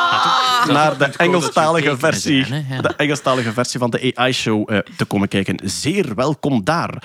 Eh, Jeroen, wat ga jij allemaal doen qua lezingen of wat heb je nog in ik de zit aanbieding? nog steeds gewoon op jeroen-baard.be. Maar vooral Eh, streepje, want... eh, Vooral, ja, streepje, want burgemeester Van Boom. Ja, ja, ja, Ik geef nog altijd lezingen over AI. Dat is een lezing die eigenlijk eh, complementair is aan Lieve zijn lezing. Het is een kritische lezing over wat er momenteel kan en vooral ook wat er niet kan met AI. Waarin we lachen, huilen met alle dingen die ervoor eh, komen in AI momenteel. Ook een beetje kritisch over de invloed die het heeft over onze maatschappij en zo. Naar bedrijven toe verkoop ik die wat dat je met AI nu in je bedrijf kan doen. Ik pas altijd een beetje aan naar de plek waar ik ga spreken. Ik ben die al, denk deze maand, twintigtal keer gaan geven. Dat is twintig keer totaal anders geweest en totaal tof qua locatie, qua grootte van het publiek. Het is heel avontuurlijk waar ik ermee terecht kom. Dus ja, ik vind het nog altijd heel fijn om te doen eh, als je denkt dat je bedrijf... Want het is momenteel wel echt gericht op bedrijven, events, Ja. scholen. Het is eh, niet publiek. Ik zal hem uiteraard op het Nerdland Festival de culminatie van hem zoveel keer te geven. Jij krijgt de volledige nerd, eh, nerd eh, Editie, ja. editie op het festival. Maar voorlopig doe ik hem nog in besloten kring. En daar kan je mij voor contacteren op jeroen-baard.be. En heb je nog een metaverse-leding of is de Ik metaverse heb dood? ook nog een metaverse-lezing die ik zelfs morgen ga geven in het Vlaams parlement. Echt waar? Ja, dus die zijn helemaal mee. Eh, eh, nee, eh, er is een commissie over Slide. metaverses. Ja. Die is al een paar, een paar keer uitgesteld, maar, maar ik, kan daar, ik kan daar eens langs gaan. Die, heb ik ook nog, die lezing heb ik een beetje omgetoeld naar wat was dat nu, metaverses? Wat kunnen we eruit leren? En welke technologieën gaan we daar nog wel uit, uit puren en verder Ja. zien? Ik zeg een beetje, de metaverse is dood, maar we gaan het gewoon openbreken voor stukjes. Want AR en VR gaan we nog wel gebruiken. Digital twinning, digitale identiteiten. Daar is een hele hoop van te leren van die hype. Daar is ook een hele hoop mee te lachen. Dat is een beetje het punt van al mijn lezingen. Lachen en leren. Lachen, lachen en leren. Ik, ik, ik hou ervan om kwaad naar slides te wijzen en te zeggen van, wat was dat? Dat was belachelijk. Eigenlijk, je bent een beetje de eh, Xander de Rijke houdt het voor bekeken van de metaverse. ik, wil, ik wil me niet op dezelfde hoogte als Xander de Rijke zetten, maar als ik ooit maar een tiende van die man zijn oprechte kwaadheid en verontwaardigdheid kan channelen over wetenschap, dan zal ik een zeer blij Jeroentje zijn. Dus ik heb Jeroen, gehoord, Jeroen, dat ze in Harvard eh, stukken van het dode metaverse verkopen op de zwarte markt. heb ik gehoord. En je kan ze zien als je me boekt. Jeroen-baard.be. All right. En, En, dan ik hebben we... straks jeroen-baard.com uh, Ja, registreren. voilà, Dringend. aan- aanmaken, ja, voilà. En dan hebben we ook nog een echte sponsor en dat is eh Agfa Zirfon. Jeroen. Ja, eh, Agfa is een bedrijf, Zirfon is een van hun projecten. Als ik zeg Agfa... eh, dan, Gevaart. dan gaan er... Ja, Gevaart. Agfa de Gevaart is eraf. Eh. Dat weten ze zelf. De meeste mensen reageren... Agfa, waar denken jullie aan? Filmrolletjes. Filmrolletjes. Kodak. Eh, Allee, ja. d- gezien, de, gezien de filmrolletjes-industrie is dat een beetje een doodlopend spoor Dat komt geworden. allemaal terug, Jeroen. Dat komt allemaal terug. Hey, hey, hey, ik, ik kop dat nog, hè. Ik kop dat nog, hè. Eh, zij weten dat. Jonge mensen reageerden eerder van, ach, wat is dat? Maar zij maken dus nog altijd eh, met chemische processen een hele hoop belangrijke dingen. Waaronder Zirfon is een van hun producten nu. En dat... eh, situeert zich in iets waar we het hier in de podcast ook al regelmatig over gehad hebben. Ja, waterstof gaat in onze toekom- toekomstige energieformules gaat, eh, alleen maar belangrijker worden. En hoe produceer je groene waterstof? Met Ja. elektrolyse. Met elektrolyse, inderdaad. En wat doe je bij elektrolyse, Bart? Je scheidt twee Je dingen. scheidt het waterstof van het zuurstof. Dus je, eigenlijk, je zet elektriek op water en er komt waterstof en Ja. zuurstof uit. Je zet namelijk groene elektriek op water. Liefst. Die, die, die dinges. Eh, Want je kunt ook waterstof uit steenkool halen en dat is dan niet zo groen. Dat is niet Ja. zo groen. Die, je zegt inderdaad, Bart, die moeten gescheiden worden. Zuurstof en waterstof. De, eh, Zirfon is een van de beste films, volgens het Fraunhofer Instituut, zelfs de beste film eh, om eh, waterstof en zuurstof te Met scheiden. film bedoelen we membraan. Membraan, jeugd. Membraan, Ja, voor de duidelijkheid, ja. membraan. En wie maakt die, eh wie maakt die film? Dat Toch is, niet Agfa zeker? Agfa zeker. Oké. Dus dat, dat bedrijf is met een, en, en eigenlijk een hele hoop nieuwe dingen bezig. Ik denk Maar- veel verder dan de filmrolletjes. Doen dat ook allemaal in België. Dus een Dus op- en top het- Belgisch bedrijf. Het, het filmrolletje was echt maar één product van Agfa Ja. en zij hebben zich compleet kunnen diversifie- Absoluut. diversifiëren buiten en dat zit nog altijd in ons stomme hoofd. voilà. Dat zijn Ik- alleen maar filmrolletjes. Ik had, Ze ik maken had- geen filmrolletjes ik had meer, een- dat is een- gedaan, hè. Ik had een videocall met de sponsor en mijn charmante, ontwapenende zelf, als ik altijd probeer te zijn, zei ik van, zeg, hij maakte gewoon nog filmrolletjes. En zij leunde daar heerlijk volledig mee in van, ja, dat horen we vaker. Wel nee. Maar, het, maar het is wel omdat zij min of meer heer en meester waren in die technologie Natuurlijk. dat ze nu deze kunnen Ja. Er is, ontwikkelen. er is overlap tussen die technologie. Eh er zitten er ook een hele hoop Europese projecten mee. En ze doen dat voornamelijk in Mortsel, waar dat ze een hele nieuwe plant gaan openen. En zij zoeken, net zoals heel veel techbedrijven die ons sponsoren, zoeken zij collega's, eh, Ah, ingenieurs. Eh, ja, dus zij is- vragen als je, eh, als je bezig bent in technologie, in wetenschap, dat is Ja. een groot stuk chemie ook, neem ik aan. Absoluut, ja, zeker voilà. een groot stuk chemie ook. Wat zoeken ze allemaal? Van alles. Technische profielen, R&D, productiemedewerkers. Ehm, ja, ze hebben een hele hoop... want ze gaan die fabriek die gaat sterk uitbreiden. Ze hebben een hele hoop functies die moeten ingevuld worden. En het is heel duidelijk dat zij ook een bedrijf zijn, en dat vond ik ook wel interessant om te horen, die zich eigenlijk volledig in die groene energietransitie gepositioneerd hebben. Ja. Die, die membranen, verschillende andere technologieën waar zij, zij aan werken, gaan in ons toekomstige energievraagstuk alleen maar eh, interessanter worden. Dus het is ergens ook wel heel mooi dat er een Belgisch bedrijf, zich, een Belgisch bedrijf is dat zich volledig op die eh, groene Je energietransitie... kunt daar het eh, verschil maken. Je kunt er echt wel het verschil maken. Het is een beetje een cliché, maar, maar ik, ik, ik geloof het ook wel echt. En eh, ja, zij werken mee aan een CO2-neutrale wereld. En dat lijkt me dan een leuke plek om te werken. En eh, ook iets dat goed aansluit bij dingen waar dat wij het hier regelmatig in de podcast over hebben. Waar vinden we alle info? Als ik nu zeg Alle van ik heb wel technische interesse, ik wil eens gaan kijken of dit iets voor mij Zij is. hebben een speciale landingpage voor alle mensen die geïnteresseerd zijn van de podcast. Ze hebben daar eh, veel werk in gestoken, dus dat is zeer fijn. En de URL voor die pagina is agfa.com slash corporate slash nerdland. Dus het is agfa.com slash corporate slash nerdland. Daar zit nog corporate tussen ergens, omdat het een bedrijf is. En omdat eh, een kortere URL configureren waarschijnlijk... Ja, die mensen zijn bezig met chemie, niet met websites maken. Hebben ze ook een public slash nerdland? Of een entertainment slash nerdland? Je kan, het, je kan het allemaal proberen. En als je een fout vindt in je website, kan je hen vast ook wel eh, contacteren. En, eh, ja, en dan direct, dan- dat was direct eigenlijk een sollicitatiegesprek dan, Ah, hè? ja, voilà. Ja. Ik bouw websites. Voilà, kijk, eh, daar kan je gaan kijken ehm, als je eventjes wilt checken of daar iets tussen zit voor u. Ehm, eh, uitbreiding, van een, ja, uitbreiding van een bedrijf, dat horen we wel vaak hier. Hè, van, we willen groter worden, we hebben volk nodig, eh, we hebben technisch volk nodig die dat samen met ons In kan uitbouwen. onze nieuwe productielijn die tegen 2025 operationeel moet zijn. En daar hebben ze veel medewerkers voor nodig, zoals je daar wel kunt voorstellen. Ziezo, agfa.com slash corporate slash nerdland. Allen daarheen. Alle links in de show notes uiteraard ook, als je die URL niet kunt onthouden. Dat is nogal logisch. En de show notes die vind je op wat voor een pagina is dit hier? .nerdland, nee, op eh, maandoverzicht.nerdland.be. Maandoverzicht.corporate.nerdland.be Slash. Alright, en daarmee zijn we aan het einde van deze podcast. Ik bedank natuurlijk Hetty Helsmoor. Met veel plezier. Bart van Peer. Dag. Els Arts. Er zijn wel krekels bij emojis. Geen tumbleweeds, maar wel krekels. Ja, ik weet het. Goed Ja. om te weten. Jeroen Baert. De nada! En ik dank natuurlijk jullie allemaal om te luisteren. Tot hier. Graag tot de volgende keer. Dag. Arrivederci! Ciao tutti.